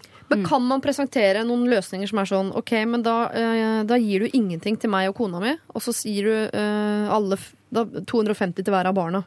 Det, eller, jeg, eller så kan jeg, jeg kan kjøpe gave for deg, pappa, som er til Og så Nei. later vi som det er fra deg. Jeg ville godt ha sagt uh, Altså Han har tydeligvis et eller annet oppheng med de 500 kronene og er redd for penger og sånn. Det er greit. Som Christian sier, han eh, prøver å komme seg på beina igjen og har det sikkert veldig vanskelig. Jeg hadde sagt eh, jeg og kona trenger ikke noe gave. Her har du de 500 kronene tilbake. Gå og kjøp noe til barnebarna dine. Eh, det betyr mye for de. Ja. Ja. Det hadde jeg Det er jeg helt enig i. Akkurat Det abonnerer jeg på. Det Ja. tror jeg er riktig. Glem oss oppi dette. Kjøp noe til barna. Ja. For dette her er noe som stikker så djupt at dette her er ikke noe som Altså, han sier kona hans er lei. Ja. Altså, dette er jo tydeligvis et problem som kommer til å gro seg dypere. Altså, Ja, som kommer til å bli verre, og som kommer òg til å forplante seg over på, på, på andre områder. Ja, for jeg tenker, Greit, han prøver å komme seg på beina, ting er vanskelig og sånn, men jeg tenker, hvis, hvis han har begynt med dette nå, og han ikke blir stoppa nå, så er jeg veldig nervøs for hva forslaget blir neste år. For jeg bare tenker, Hvis man først er i gang med en sånn Det blir derre in indeksregulering. 547 kroner. ja, jeg bare, ja, et eller annet. Jeg, jeg tror ikke det blir noe bedre, med mindre liksom det tas med en gang det dukker opp dette problemet her, som det jo er. Det er jo da verdens kjipeste samtale å ta med Ja. sin egen far. Ja. Eller ikke verdens kjipeste, men en, en av de kjipeste. Men uh, kanskje da det blir en sånn vakker julefilm ut av det. Kanskje, kanskje bestefaren får en sånn sånn eh, åpenbaring. Ja, det der onkel Scrooge-syndromet, ikke sant? Ja, ja. There is no rest for the wicked. Det er en film alle burde se rundt jul. Får man, litt, man blir røska litt i, i sjela. Det er noe. Elf med Will Ferrell. Jeg må ikke se den, føler jeg. Men oh, eh, jeg er på Free Willy. Men la oss stoppe det der. Må se Free Willy i jula. det, det er min yndlingsfilm fortsatt til this day. Ja. Jeg har vært i der i den eh, Ute i Florida, der som Free Willy kommer fra. Du vet at Keiko er der, ikke sant? Ja, og det, Mm. vet du hva, ikke, ikke få get me started på dette temaet. Jeg er så opptatt av spekkhoggere og Keiko og Hvorfor er ikke vi søsken? Jeg veit ikke, Siri. Vi burde helt klart vært det. Du vet at Keiko var jo i norsk farvann. Døde jo i Norge. Ja, og vet du hvor På den tida jeg maste altså på mamma hver dag. Kan vi dra, kan vi dra, kan vi dra? kan vi dra? Og du så på nyhetene at barn oppe i nord de bada jo med Keiko. Min største drøm i livet det sto i dagboka mi. Ting jeg skal gjøre før jeg dør. Møte Keiko. Men du, Vet du hvor nære jeg var? Og så døde han! Han var i samme land som deg. Nei, helt krise. hvert eneste år så kommer det spekkhoggere inn i Tysfjorden. For Ja. der er det så mye sild. Og de er eh, da kan man, Jeg har vært der. Man kan bade med dem. Seriøst? Det er ikke Keiko, men det er jo fetteren hans eller kusina. Ja, men jeg tar til takke med det. i rundt Eller- tørrdrakt sammen med de der eh, Eller barnebarnet. Eller barnebarnet Åh. til Oi, oi, oi. Ja, eh, takk for at du dro oss tilbake til Petter fra bygda. Jeg bare følte at vi løste det på en annen måte. Ja. Før vi begynte å snakke om Keiko og ting gikk galt. Eh, det skal vi snakke mer om, Ida. Du og jeg. Litt Ja. med Keiiko. Eh, det du må gjøre, du må snakke med faren din. Det er ikke sikkert det blir tidenes hyggeligste samtale, men den må tas. Og da syns vi det mest konkrete du kan tilby, er rett og slett å si eh, ikke Tenk på meg og kona. Ta de 500 kronene, og så kjøper du noe til barnebarna. Det er de som er uh, viktige her. Men her må jo kunne velge en måte å gjøre dette her på som ikke nødvendigvis gjør det ubehagelig. Altså det er jo uh, Altså for bestefar? Måte, ja. Ikke Jeg sant? tror ikke det en blir så ubehagelig. Det er bare å forstå Det behøver nei, slett ikke å bli det. altså. Få bestefar til å forstå at dette betyr mye for barna, og så samtidig liksom være litt ydmyk i gåsehøyden og si at vi trenger ikke noe, men aldri glem barnebarna dine, liksom. Så har man på en måte sagt nei til noe og vektlagt noe annet, Kanskje? Altså. Løsningen ligger jo helt for, eh, rett foran eh, nesene våre. Ja. Altså Det er jo da å foreslå til bestefar at han går på platekompani eller andre butikker og kjøper et utvalg av Free Willy-filmer og gir til barna Ja! sine. Ja, Jeg skjønner ikke hvor du tar det fra, men det er altså helt Colombia. Jeg fikk en sånn, jeg fikk en sånn bestefarsåpenbaring. Ja, jeg Jeg ble et litt bedre menneske et lite øyeblikk der. Ja. Mer konkret enn det blir det sjelden her i Lørdagsrådet. Be faren din gå på platekompani og kjøpe Free Willy. Dette er Lørdagsrådet På P3. P3. Pharrell Williams var det. En fyr jeg kanskje liker nesten enda bedre enn spekkhoggere. Eh, sammen med Daft Punk. Get Lucky var jo det der, da. Og før det Gorgon City sammen med Zack Abel. Unmissable. Vi skal ta et problem som jeg har hatt liggende i mailboksen eh, Heter det mailboks? Innboksen. En stund, faktisk. Eh, jeg har, for å være helt ærlig, spart den til Christian Borch. Fordi eh, jeg syns dette er vanskelig. Jeg synes det er veldig, veldig eh, vanskelig. Og jeg bare ble umiddelbart litt nysgjerrig på hva du tenker. Her står det 'Hei, Lørdagsrådet'. Og jeg må bare si at denne mailen er i eh, voldsom grad anonymisert. Av eh, både innsender og meg selv. Hei, Lørdagsrådet. Jeg er for tiden med i et band som er eh, litt forskjellige steder rundt eh, i landet. For en liten stund siden møtte svigerfaren til en venninne i bandet opp på en konsert. Han filmet oss litt og sa han skulle sende meg filmen på mail. Så fikk jeg faktisk mail, men samtidig skrev han at han hadde googlet meg og la med noen lenker til det han selv holdt på med. Han er videokunstner i lokal skala. Jeg skrev høflig hva jeg mente om tingene hans, for han er imponerende god, og det ble han veldig veldig glad for. Han sa at han ikke hadde fått så direkte og ærlig respons noen gang. Ok, tenkte jeg. Hyggelig. Joval fyr. Vi diskuterte litt samarbeid, og jeg var åpen for at vi kunne gjøre noe i fellesskap med hver våre ting, eller lignende. Og derfor, derfra var ikke veien særlig lang til at han sendte meg ting fra morgen til kveld. Jeg tok det ikke så alvorlig først, tenkte at han måtte jo roe seg etter hvert, og jeg svarte når jeg hadde tid og ork til det. Så sa han 'jeg er ikke en gammel gris', noe jeg naivt nok aldri hadde tenkt at han kunne være, men det begynte jeg jo selvfølgelig å gjøre nå. Så sa han at han var glad i meg. Jeg gikk inn i en sjokkartet tilstand og forsøkte å ikke forholde meg til det hele, men jeg fikk jo stadig nye mail. Etter dette svarte jeg ikke på en stund, men jeg var eh, nok ikke så tydelig da jeg først svarte helt kort at jeg hadde det veldig travelt og var nødt til å fokusere på prosjektene mine framover. Jeg syns egentlig det var et ålreit hint, men han tok det åpenbart ikke. Han fortsatte å sende meg mail hele tiden. Så kom det en der det sto at han hadde vært utenfor hjemmet mitt for å se hvordan jeg bor. Og han innrømmet at han hadde blitt uh, forelsket. Han er en gammel gris, og han er gift. Jeg er i slutten av 20-åra. Han sa også at hvis jeg syntes det var ubehagelig, så måtte jeg si ifra. Så skulle han slutte å ta kontakt. Jeg sendte en kort avvisningsmail der jeg skrev at det aldri hadde vært min intensjon at dette skulle skje, og jeg opplevde det som ubehagelig, og jeg ønsket ikke mer kontakt. Jeg har heldigvis ikke hørt noe mer fra han. Mitt spørsmål er, skal jeg fortelle Anna om dette? Hun vet at jeg har hatt kontakt med svigerfaren hennes, men hun tror det er på et profesjonelt nivå.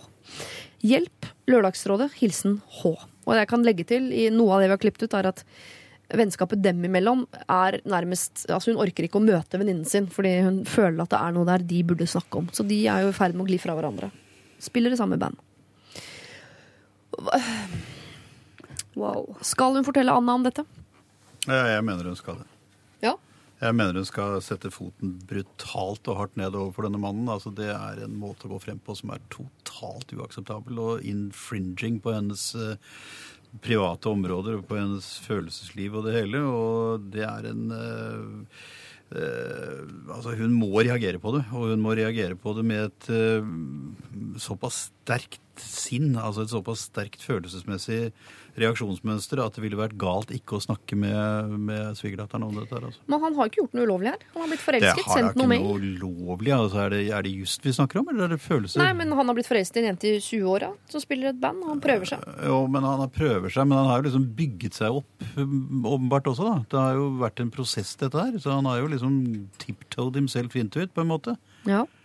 Og det er måten det er gjort på, er jo også nokså sånn groggy, syns jeg. Eh, Dette her smaker guffent for meg, og jeg mener at hun, innsenderen, altså, må, må reise seg opp ordentlig og bare sette foten effektivt ned. Og jeg ser at hvis hun er i et sånt nærmest symbiotisk forhold med denne Anna, så bør hun si fra til henne og forklare henne det. Og si at jeg håper ikke du blir såret av dette her, men du må hjelpe meg å komme ut av dette her, på en måte.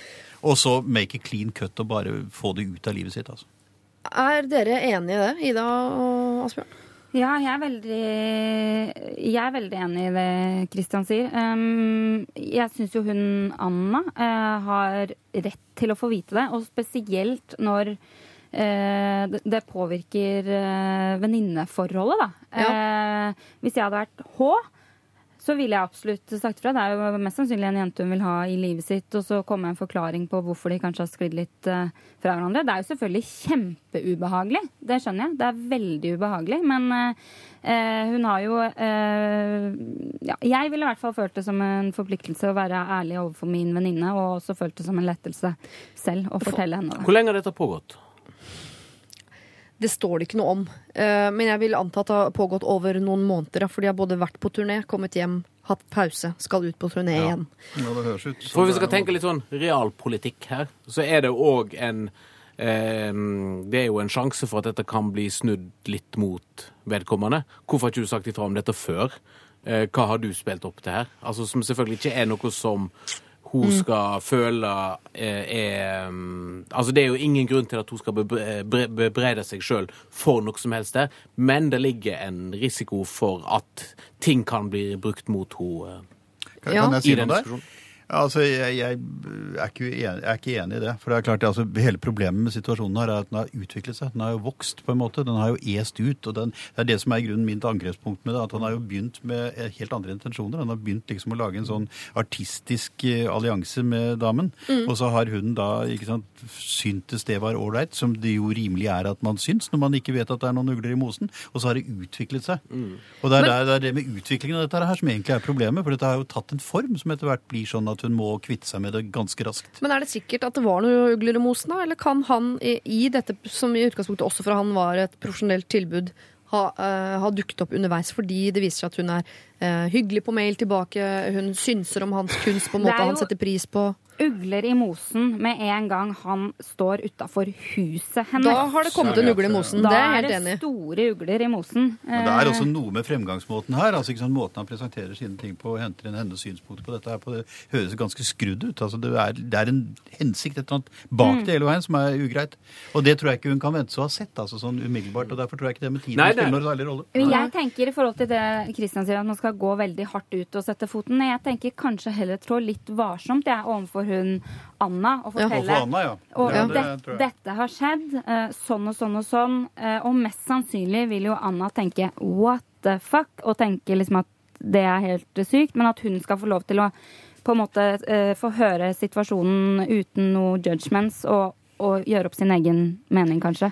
Men jeg har lyst til å bare problematisere akkurat det litt, fordi eh, her har det helt klart foregått noe som ikke er helt greit mellom en voksen mann og en ung jente. Som foreslår nå å bringe Anna inn i dette. Helt enig at Anna som venninne fortjener å få vite hvorfor har kontakten oss imellom eh, Hvorfor er vi ikke liksom så gode venner lenger? Hva er det som har skjedd? Det fortjener hun. Men dette problemet som jo er mellom innsender og denne mannen jeg bare, jeg, Mitt spørsmål er vel egentlig Er det vennskapet mellom Anna og H viktigere enn de familiære forholdene til Anna? For dette her ødelegger jo den lille familien til Anna. Hun vil jo ikke klare å se sin svigerfar i øynene på en stund. Som jo igjen kommer til å ødelegge hennes forhold til moren, eh, som jo er sammen med denne mannen. Så ved Det blir- det blir hvor, mye, hvor mye skal du gå på akkord med ting? Jo, men jeg Altså- bare mener at Dette er et problem mellom innsender og denne mannen. Og hvorfor skal hun legge det over på venninnen sin, som jo da i, i andre rekke blir et kjempeproblem Det blir jo for familie. Anna og hennes hennes ansvar å ta dette videre inn på familienivå, da. Hvis min Ja. svigerfar hadde prøvd seg på min venninne på den måten, Så vil du vite så det. vil jeg vite det. Mm, ja, akkurat. Ja. Men selvfølgelig, det blir jo kjempekjipt og en veldig rar situasjon i familien til Anna. Det gjør det jo. Det blir jo for- forferdelig. Det kan sikkert, jo godt fort bryte opp eh, deler av den familien. Ja. Da har du ødelagt en familie i tillegg. Og han, selv om jeg sier at det er ugler i mosen og blæ, blæ, blæ, igjen så vil jeg bare eh, påpeke at jeg mener at han har ikke gjort noe ulovlig. Han har Nei. prøvd seg, og det er en aldersforskjell som ikke er greit. Det er en inngang her som ikke er helt grei i det hele tatt. Han har ikke gjort noe ulovlig, og når han sier hvis du ikke vil at jeg skal ta kontakt mer, så sier du fra. Hun sier ifra. Han tar ikke kontakt mer. Altså, bare, bare en ting, bare, Men hvorfor er ikke det greit at noen på 50 år er forelska i noen i 20-årene? Han er Han over er 60, bare så det er Og- Ja.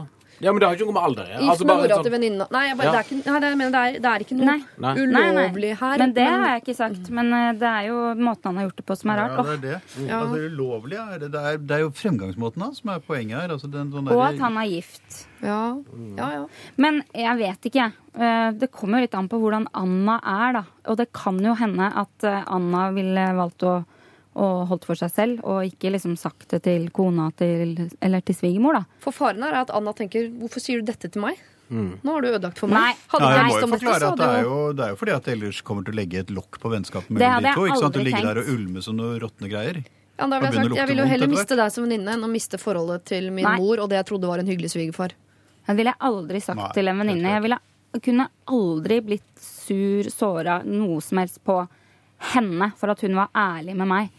Ja, jeg hadde blitt satt i en kjip situasjon hvis jeg var Anna, men det, det er ikke venninna mi sin skyld. Ok, ja. Eh, Jeg er nemlig, eh, grunnen til at jeg har latt denne ligge og gjære innboksen så lenge, er fordi at jeg ikke helt klarer å ø, ø, velge Mm. eh, hva jeg Eller jeg klarer ikke å bestemme meg helt for hva jeg mener. For jeg, også, jeg synes det Han må stoppes, men han er stoppet. Skal vi bringe flere mennesker inn i dette og gjøre det vanskelig for flere, eller skal vi tenke sånn Det var en kjip og vanskelig greie, men nå er den ferdig. Eller skal vi la det gjøre i innboksen? Ja, skal vi la det fortsette å gjøre i innboksen?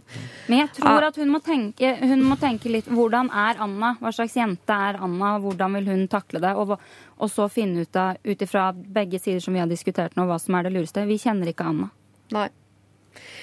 Nei, jeg, her er jeg faktisk eh, frista, kjære H, til å ikke konkludere med noe som helst, men bare be deg eh, gjentatte ganger høre gjennom alt som har blitt sagt. Ta med i vurderingen hva slags type er Anna. Klarer du å bare eh, bli ferdig med dette her, gå videre eh, og bli venninne med henne igjen uten osv.? Ta med alle de faktorene der.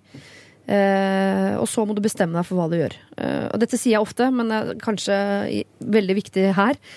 Jeg eh, må vite hvordan dette går. Jeg vil vite hvordan dette går. Hva velger du å gjøre? Hvordan takler Anna det, hvis du velger å si det? Hva gjør det med hennes familie osv.? Her må vi få en oppfølger, rett og slett. Eh, og du vet hva min mailadresse er. Eh, lykke til. God jul. P3. Dette er Lørdagsrådet med Siri Kristiansen. Røyksopp sammen med Robin blir sjelden feil, ei heller denne gangen i Monument, som vi nettopp har uh, hørt. Og vi skal, som jeg har nevnt, til et uh, annet, litt stort og tungt uh, problem, som jo handler om en ting som media er veldig opptatt av for tiden, og som det er umulig å ikke være opptatt av som mor, nemlig mobbing. Kjære Lørdagsrådet. Min mor har tre søsken. To brødre og én søster. Min ene onkel er pga. ulike hendelser i barndommen meget spesiell. Han er preget av ekstremt dårlig selvtillit og bor fortsatt hjemme hos, sin, eh, hos min mormor og morfar. Min tante har så lenge jeg kan huske snakket nedlatende om han og til han, slik at han kan høre det. Da jeg var liten, så plaget det meg ikke, siden det bare var sånn. Men nå som jeg begynte å bli voksen, så ser jeg hvor ille dette er. Det er enkelt og greit mobbing. Det har pågått i mange år, mest sannsynlig ti år. Og det er ingen som har grepet inn og sagt at dette er ikke greit. Og det er nok veldig mange voksne som har hørt det opp igjennom. Selv har han ikke selvtillit til å si ifra, og trenger hjelp fra noen med litt større mot. Jeg er sterkt imot denne mobbingen, for den bryter han definitivt ned. Problemet er at jeg ikke vet hvordan jeg skal si fra på en ok måte. Dette har jo tross alt pågått ekstremt lenge, og hun har eh, eh, to andre søsken og to foreldre i tillegg. eh, til, og i tillegg en del andre folk som jo ikke har sagt fra, men har hatt muligheten. Til sammen er vi fem søskenbarn, og jeg syns det er litt feil at det er jeg som har så lite livserfaring i forhold til resten, som må ta opp dette. Og jeg er usikker på hvordan det vil bli mottatt. Men jeg har snakket med det ene søskenbarnet mitt om dette. Det vi kom fram til, er at eh, alle i større eller mindre grad er med på denne mobbingen. Søskenbarnet mitt hadde også veldig lyst til å gjøre noe med det, men var usikker på om det ville gi noen bedring. Våre mødre har tross alt sparket en som har ligget nede i flere tiår. Og eh, vi har vanskelig eh, med å forstå eh, situasjonen. Det kan sies at han er i 60-årene. I disse tider hvor mobbing er et stort tema i media, har jeg lite lyst til å bringe, tilbringe nok en jul hvor jeg må være vitne til mobbing uten å vite hvordan jeg kan få stoppet det. Jeg kan ikke la det fortsette, men jeg trenger virkelig råd til hvordan jeg skal gripe inn. Vi møtes alle hos mormor og morfar i julen. Med vennlig hilsen jente22, som håper dere kan hjelpe meg. Ja. Den er, eh, den er komplisert. Bra jobba, jente 22. Veldig godt tenkt, da. Ja. Ja, skikkelig bra. Masse creds for å ta tak i dette her. 22 år, da er du jo ganske ung, faktisk. Ja. Så dette er jo supervanskelig. At hun på 22 år føler nå at det liksom ligger på henne å gjøre noe med en så alvorlig situasjon. situasjon. For alle tenker at Jente22 her skal gripe inn. Ja.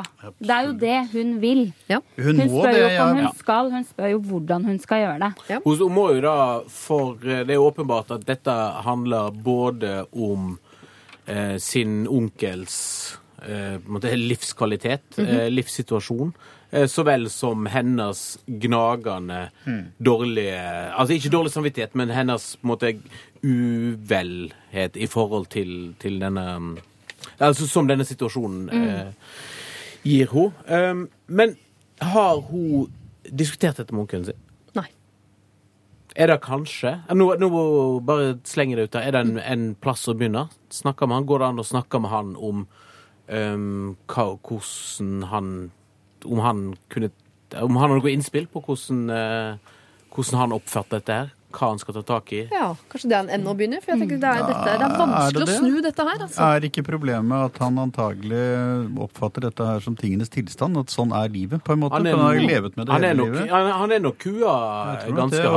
og også for denne tanten, denne onde tanten som da holder på med denne jævla mobbingen. Hun er jo antagelig, Det er jo blitt en del av hennes livsmønster. Men da, altså øh, Hvis Altså, det, det, er jo en, det er jo en overhengende sjanse her for at han da sier til henne at du må for guds skyld ikke si noe til dette. Dette kommer til å gjøre det veldig mye verre for Ja, deg. Hva gjør hun da? Nei, altså, Jeg er helt enig med Idas initiale reaksjon, som det heter her. At det er jævla flott gjort av henne å reagere sånn som hun gjør, den 22 år gamle jenta. Og hun er nødt til å gjøre noe, fordi at hun har, altså, reagerer jo såpass sterkt at hun er altså, moralsk sett helt forpliktet til å få det ut på et eller annet sett og vis og gjøre noe med det. Realisere det også for seg selv. Og jeg tror hun rett og slett er nødt til å vite at hun øh, løper en risiko. fordi at En ting er fornuften i det hun sier, altså rent logisk, men det er bare tydelig at dette er en familie hvor disse livsvanene har på en måte grodd inn. Det er blitt en del av virkeligheten der, så det kan bli ganske vanskelig å finne referanseramme å forholde seg til. Så hun må nok tenke seg litt om hvordan hun gjør det, men jeg tror nok at hun burde ta det opp liksom sånn rent prinsipielt. Altså dette med å respektere hverandre, te seg overfor hverandre på en måte som, som er menneskerettigheter og menneskeverd øh, skal være, ikke sant? Og, og det derfra og sier at det er vondt i hjertet sitt når hun ser hvor stemmen det er med onkelen på en eller annen måte. Altså finne en måte å gjøre det på som prinsipialisere problemstillingen, slik at du kan dekke seg bak en grunnholdning til problemstillingen som sådan, og så Ja. konkretisere det ned mot den situasjonen etterpå. Jeg tenker at Uansett hvordan hun sier fra, så vil det nok oppleves som et sjokk på ganske mange her. For her Det virker det som det er noen som har gått i et dårlig mønster i mange mange år. Og, og jeg tror jeg har sagt det før faktisk i dag, at det, eh, det handler om å stoppe folk. Eh, her må noen si stopp. Og det er, kanskje det er for seint, men det, det, det er i hvert fall uansett fint på et prinsipielt grunnlag at noen sier stopp. Eh, det jeg lurer på, er eh, om eh, jente 22 her hvis hun tre, jeg skjønner at hun føler seg alene, hun har minst livserfaring. og Er det, virkelig, er det min oppgave, dette her? At det Har du ikke et så søskenbarn å alliere seg Jo, litt hun med? kan alliere seg med søskenbarnet sitt. Men jeg lurer på, kan man også alliere seg med sine besteforeldre? For dette, det er barnet deres som blir mobba. Er det ikke noe man kan eh, tror jeg du skal være der? veldig forsiktig med, fordi at besteforeldrene har jo sett gjennom fingrene med dette her hele livet antagelig. Altså, de har jo latt det skje. De er jo medskyldige, så de kommer jo til å på en måte forsvare seg. De kommer til å gå i en forsvarsposisjon. De kommer til å motarbeide noe som kan oppfattes som en grundig kritikk av hele deres livsførsel. Nei, det tror jeg akkurat det vil jeg være forsiktig med, tror jeg. Men, Men tenk deg hvis de også- allierte. Ja, det er søskenbarnet, da. Heller- Ja, hun må Men de flere. kan fort bli avfeid på en sånn eh, Dere 20-åringer veit ikke hva dere snakker om. Dere Ja. har ikke vært her i oppveksten, dere vet ikke hva vi har opplevd. Vel, altså Det at de er i 20-årene gir dem jo en fantastisk styrke, fordi at de er jo ubundet av konvensjonelle oppfatninger om hvordan familie fungerer. De, de kan reagere ut fra et ungt, oppriktig uh, sinne over situasjonen. En, en sånn spontan indignasjon. Ja. Og den har en kjempegjennomslagskraft. Men det må jo finnes eh, noen i den familien som er eldre enn 22, som uh, hun har en følelse av at uh, mener det samme. Da Ja. det, jeg veit ikke hvem, om det er Et annet søskenbarn. hennes eller noen andre søskenbarn eller eh, noen i den familien mm, må, du, må hun kunne gå til. Jeg skjønner at hun ikke vil gjøre det her aleine. Ja. Eh, og jeg hadde nok tenkt eh, at jeg ville hatt med en voksen Ja. eh, på laget mitt eh, før jeg da eventuelt eh, gikk til, til de det gjaldt. Ja. Eh, men det kan jo ikke jeg vite hvem det er. Det Nei. må jo være noen andre som har reagert enn hun og det andre unge søskenbarnet. Eller som trenger å bli eh, Ja. vist At man kanskje man trenger å høre det før man ser det selv. Men jeg syns også det er, det er noe fint, men også noe rart i at hun er så opptatt av hvordan skal jeg på en skånsom måte få gjort dette her. Hvorfor skal du skåne noen som har gjort det stikk motsatte i flere tiår? Jo, men Det handler du- vel om å skåne da, den onkelen som har blitt Ja, jeg får inntrykk av at hun har lyst til å trå varsomt fram overfor mor og tante og sånn. Tenker sånn, de, de fortjener ikke noe uh, at dette skal pakkes inn. Nei, men det er bare at du, du, hvis du går i en direkte konfrontasjon og lager en kjempekonflikt ut av det med en gang, så vil altså motparten umiddelbart gå i skyttergravene sine og fyre løs helt blindt. ikke sant? Og ikke sannsynligvis gjør det enda verre for Og sannsynligvis gjør det enda verre. Så jeg tror nok det er riktig at hun bør gå skånsomt frem. Men stryk ordet skånsomt og si diplomatisk i stedet. Altså Finne en form på det som gjør at hun unngår altfor sterke konfrontasjoner. Og Det er derfor jeg mener det er riktig å reise det liksom kanskje litt i spørsmålsform på rent prinsipielt grunnlag. Ja. Altså Ja. begynne å arbeide med problemstillingen som sådan, og begynne å reise den på et eller annet sett og vis. Og så trekke paralleller og få folk til å forstå, liksom gradvis merke at folk forstår hva du begynner å si. Og så- Skal hun gripe inn i jula når alle er hos mormor og morfar og feirer jul? Er det da hun skal Jeg ville jo eh, prøvd å finne en måte å gjøre det på før jula, da. Ja. Eh, for det er jo selvfølgelig grusomt at det skal bli jula, men hun vil jo samtidig ikke feire en, en jul til hvor det er sånn. Eh, så det beste hadde jo vært å, å på en måte fått dette ut av verden før eh, julekvelden kommer. Ja. Men om det er mulig, jeg vet ikke hvor de bor og sånn, jeg. Men eh, Kan hun begynne med å si fra til moren sin at det, sånn og sånn opplever jeg, dette er ikke greit, før jul? Sånn at du, mor har Ja, noe for det, det, det det, det, det- det er tanta som er verst, sant? men Mens, mora er med. mens mor òg litt med Ja, De det. har i hvert fall vært vitne til at dette pågår, ingen har stoppet det. Så da Jeg, må vil- jeg ville gått gjennom mor. Jeg ville Ja. satt meg ned med, med mamma og sagt unnskyld, mamma, men jeg har noe på hjertet som jeg gjerne vil snakke om. Jeg trenger å snakke om dette. Eh, Dette er noe som er veldig vanskelig. Men eh, vi må snakke om det. Og så da gått via mora, og kanskje da Altså, hun har jo da nødvendigvis et tettere forhold til, til mor si, eh, og da kanskje kommet måtte fått lufta litt problemstillingen, og kanskje hadde fått da mora med over på sitt eget lag før hun da hadde gått, eh, gått mot tantoen. Ja, det tror jeg. Ja. selv om det er et veldig sånn, komplisert problem, så er det jo en veldig enkel løsning. Det er jo bare at tanta slutter med det. Ja. Men, skjønner jeg mener? Ja, At ja. jeg, jeg skjønner at det blir vanskelig konfrontasjon, men løsningen er jo veldig enkel. Det er jo bare å slutte med den mobbinga. Og når hun eh, Kanskje hun ikke veit at hun gjør det lenger engang. Det er jo Mm, ofte det er det sånn at man tror. bare gror inn. og kan, For alt vi veit, så kan det være en åpenbaring for henne å høre, høre det og forstå det og skjønne det. Og så da er løsningen å slutte med det. Men det veit vi jo ikke. da. Det høres jo ikke ut som hun er helt riktig. Men eh, det kan jo også være at, eh, at eh, hun vil bare tenke 'herregud, er det virkelig sånn jeg holder på', liksom?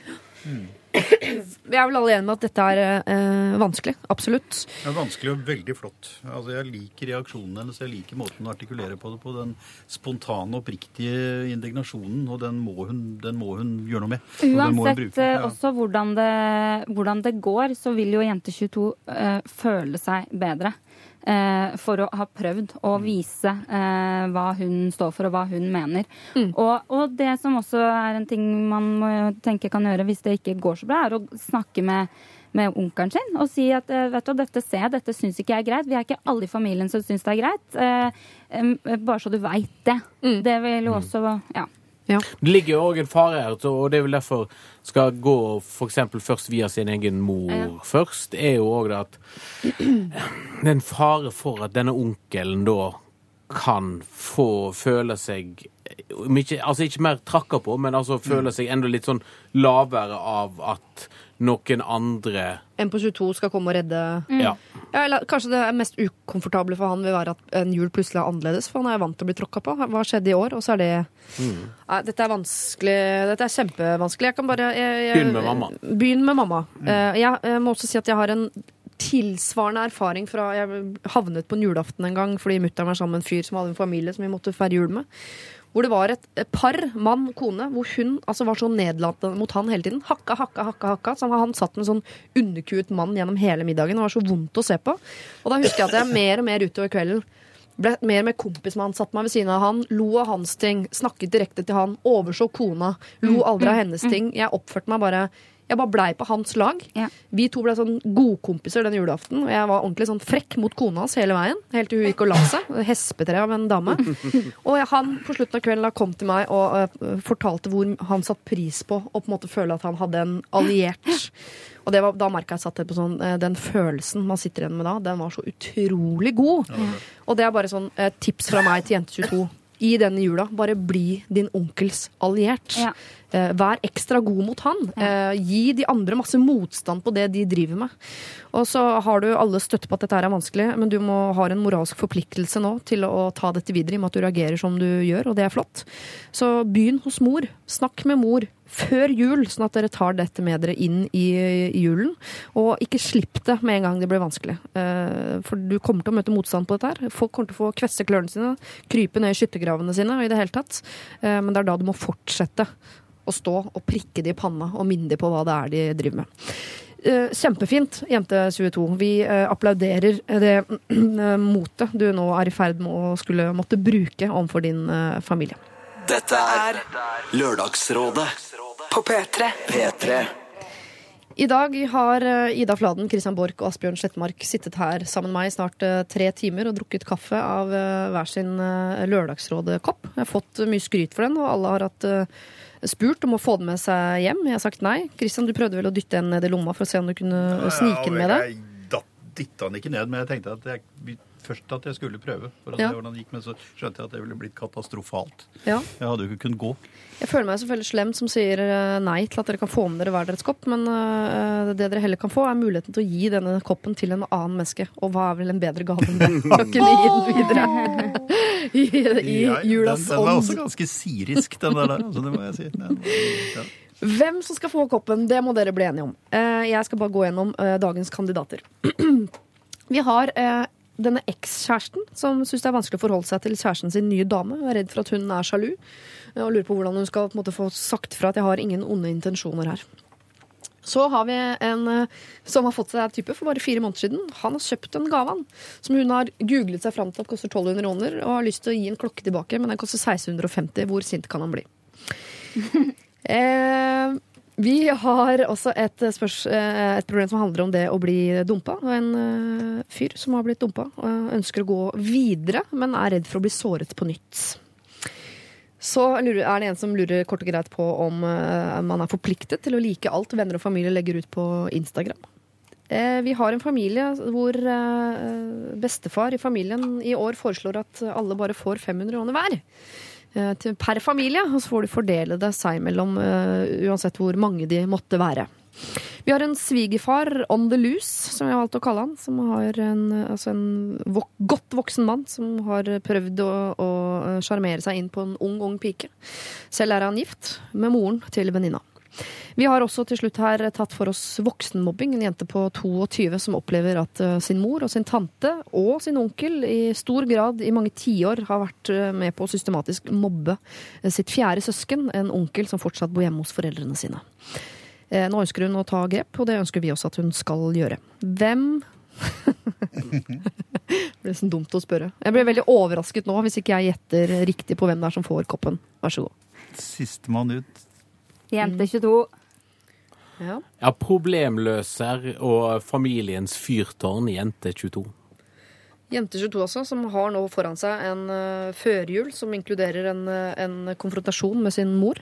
Og antageligvis en litt annen julefeiring i år. Ja, og da trenger hun en god, eh, stor kopp som kan sette seg ned med og fylle opp, et, eh, ja, fylle opp med litt varm kakao mellom slagene. Ja. Mellom det som kommer til å bli en utfordrende, eh, vanskelig og tidvis kjip jul, men forhåpentligvis som da kommer til å gjøre at den familien totalt sett får det litt bedre eh, til neste år. Kanskje det er begynnelsen på noe veldig fint og, og noe helt nytt. Jula 2015. Ja, Veldig bra. Jeg slutter meg helt til deg der. Jeg hørte nesten ut som om jeg hadde sagt det selv, for å si det sånn. Jeg kunne, jeg kunne sagt det selv, ja. Oversett til amerikansk, så det har vært eh, Obama verdig, det greiene der. Eh, ja, Det skal ikke jeg eh, problematisere. Vi er jo selvfølgelig helt eh, enig i det. At vi sender koppen til Jente22, så får hun fylle den med hva nå hun måtte ønske. Eh, tusen takk for at dere kom i dag. Det har vært veldig mange gode råd. Asbjørn Slettmark, Christian Borch og Ida Fladen. Eh, god jul til dere. God jul til deg òg. God jul og god helg videre. Vi har én runde igjen vi med Lørdagsrådet før jul, så hvis det er noe prekært, så ikke la det vente til nyåret. Det er ikke bra å utsette ting. Send det inn nå til lralfakrøll.nrk.no. Og nå som du har masse fri foran deg antagelig, så er det god mulighet til å laste ned denne eh, Lørdagsrådet som podkast og høre den igjen, samt alle de andre vi noensinne har eh, laget. Eh, Jeg sier god jul, ja. Vi høres om en uke. Dette er Lørdagsrådet På P3. P3.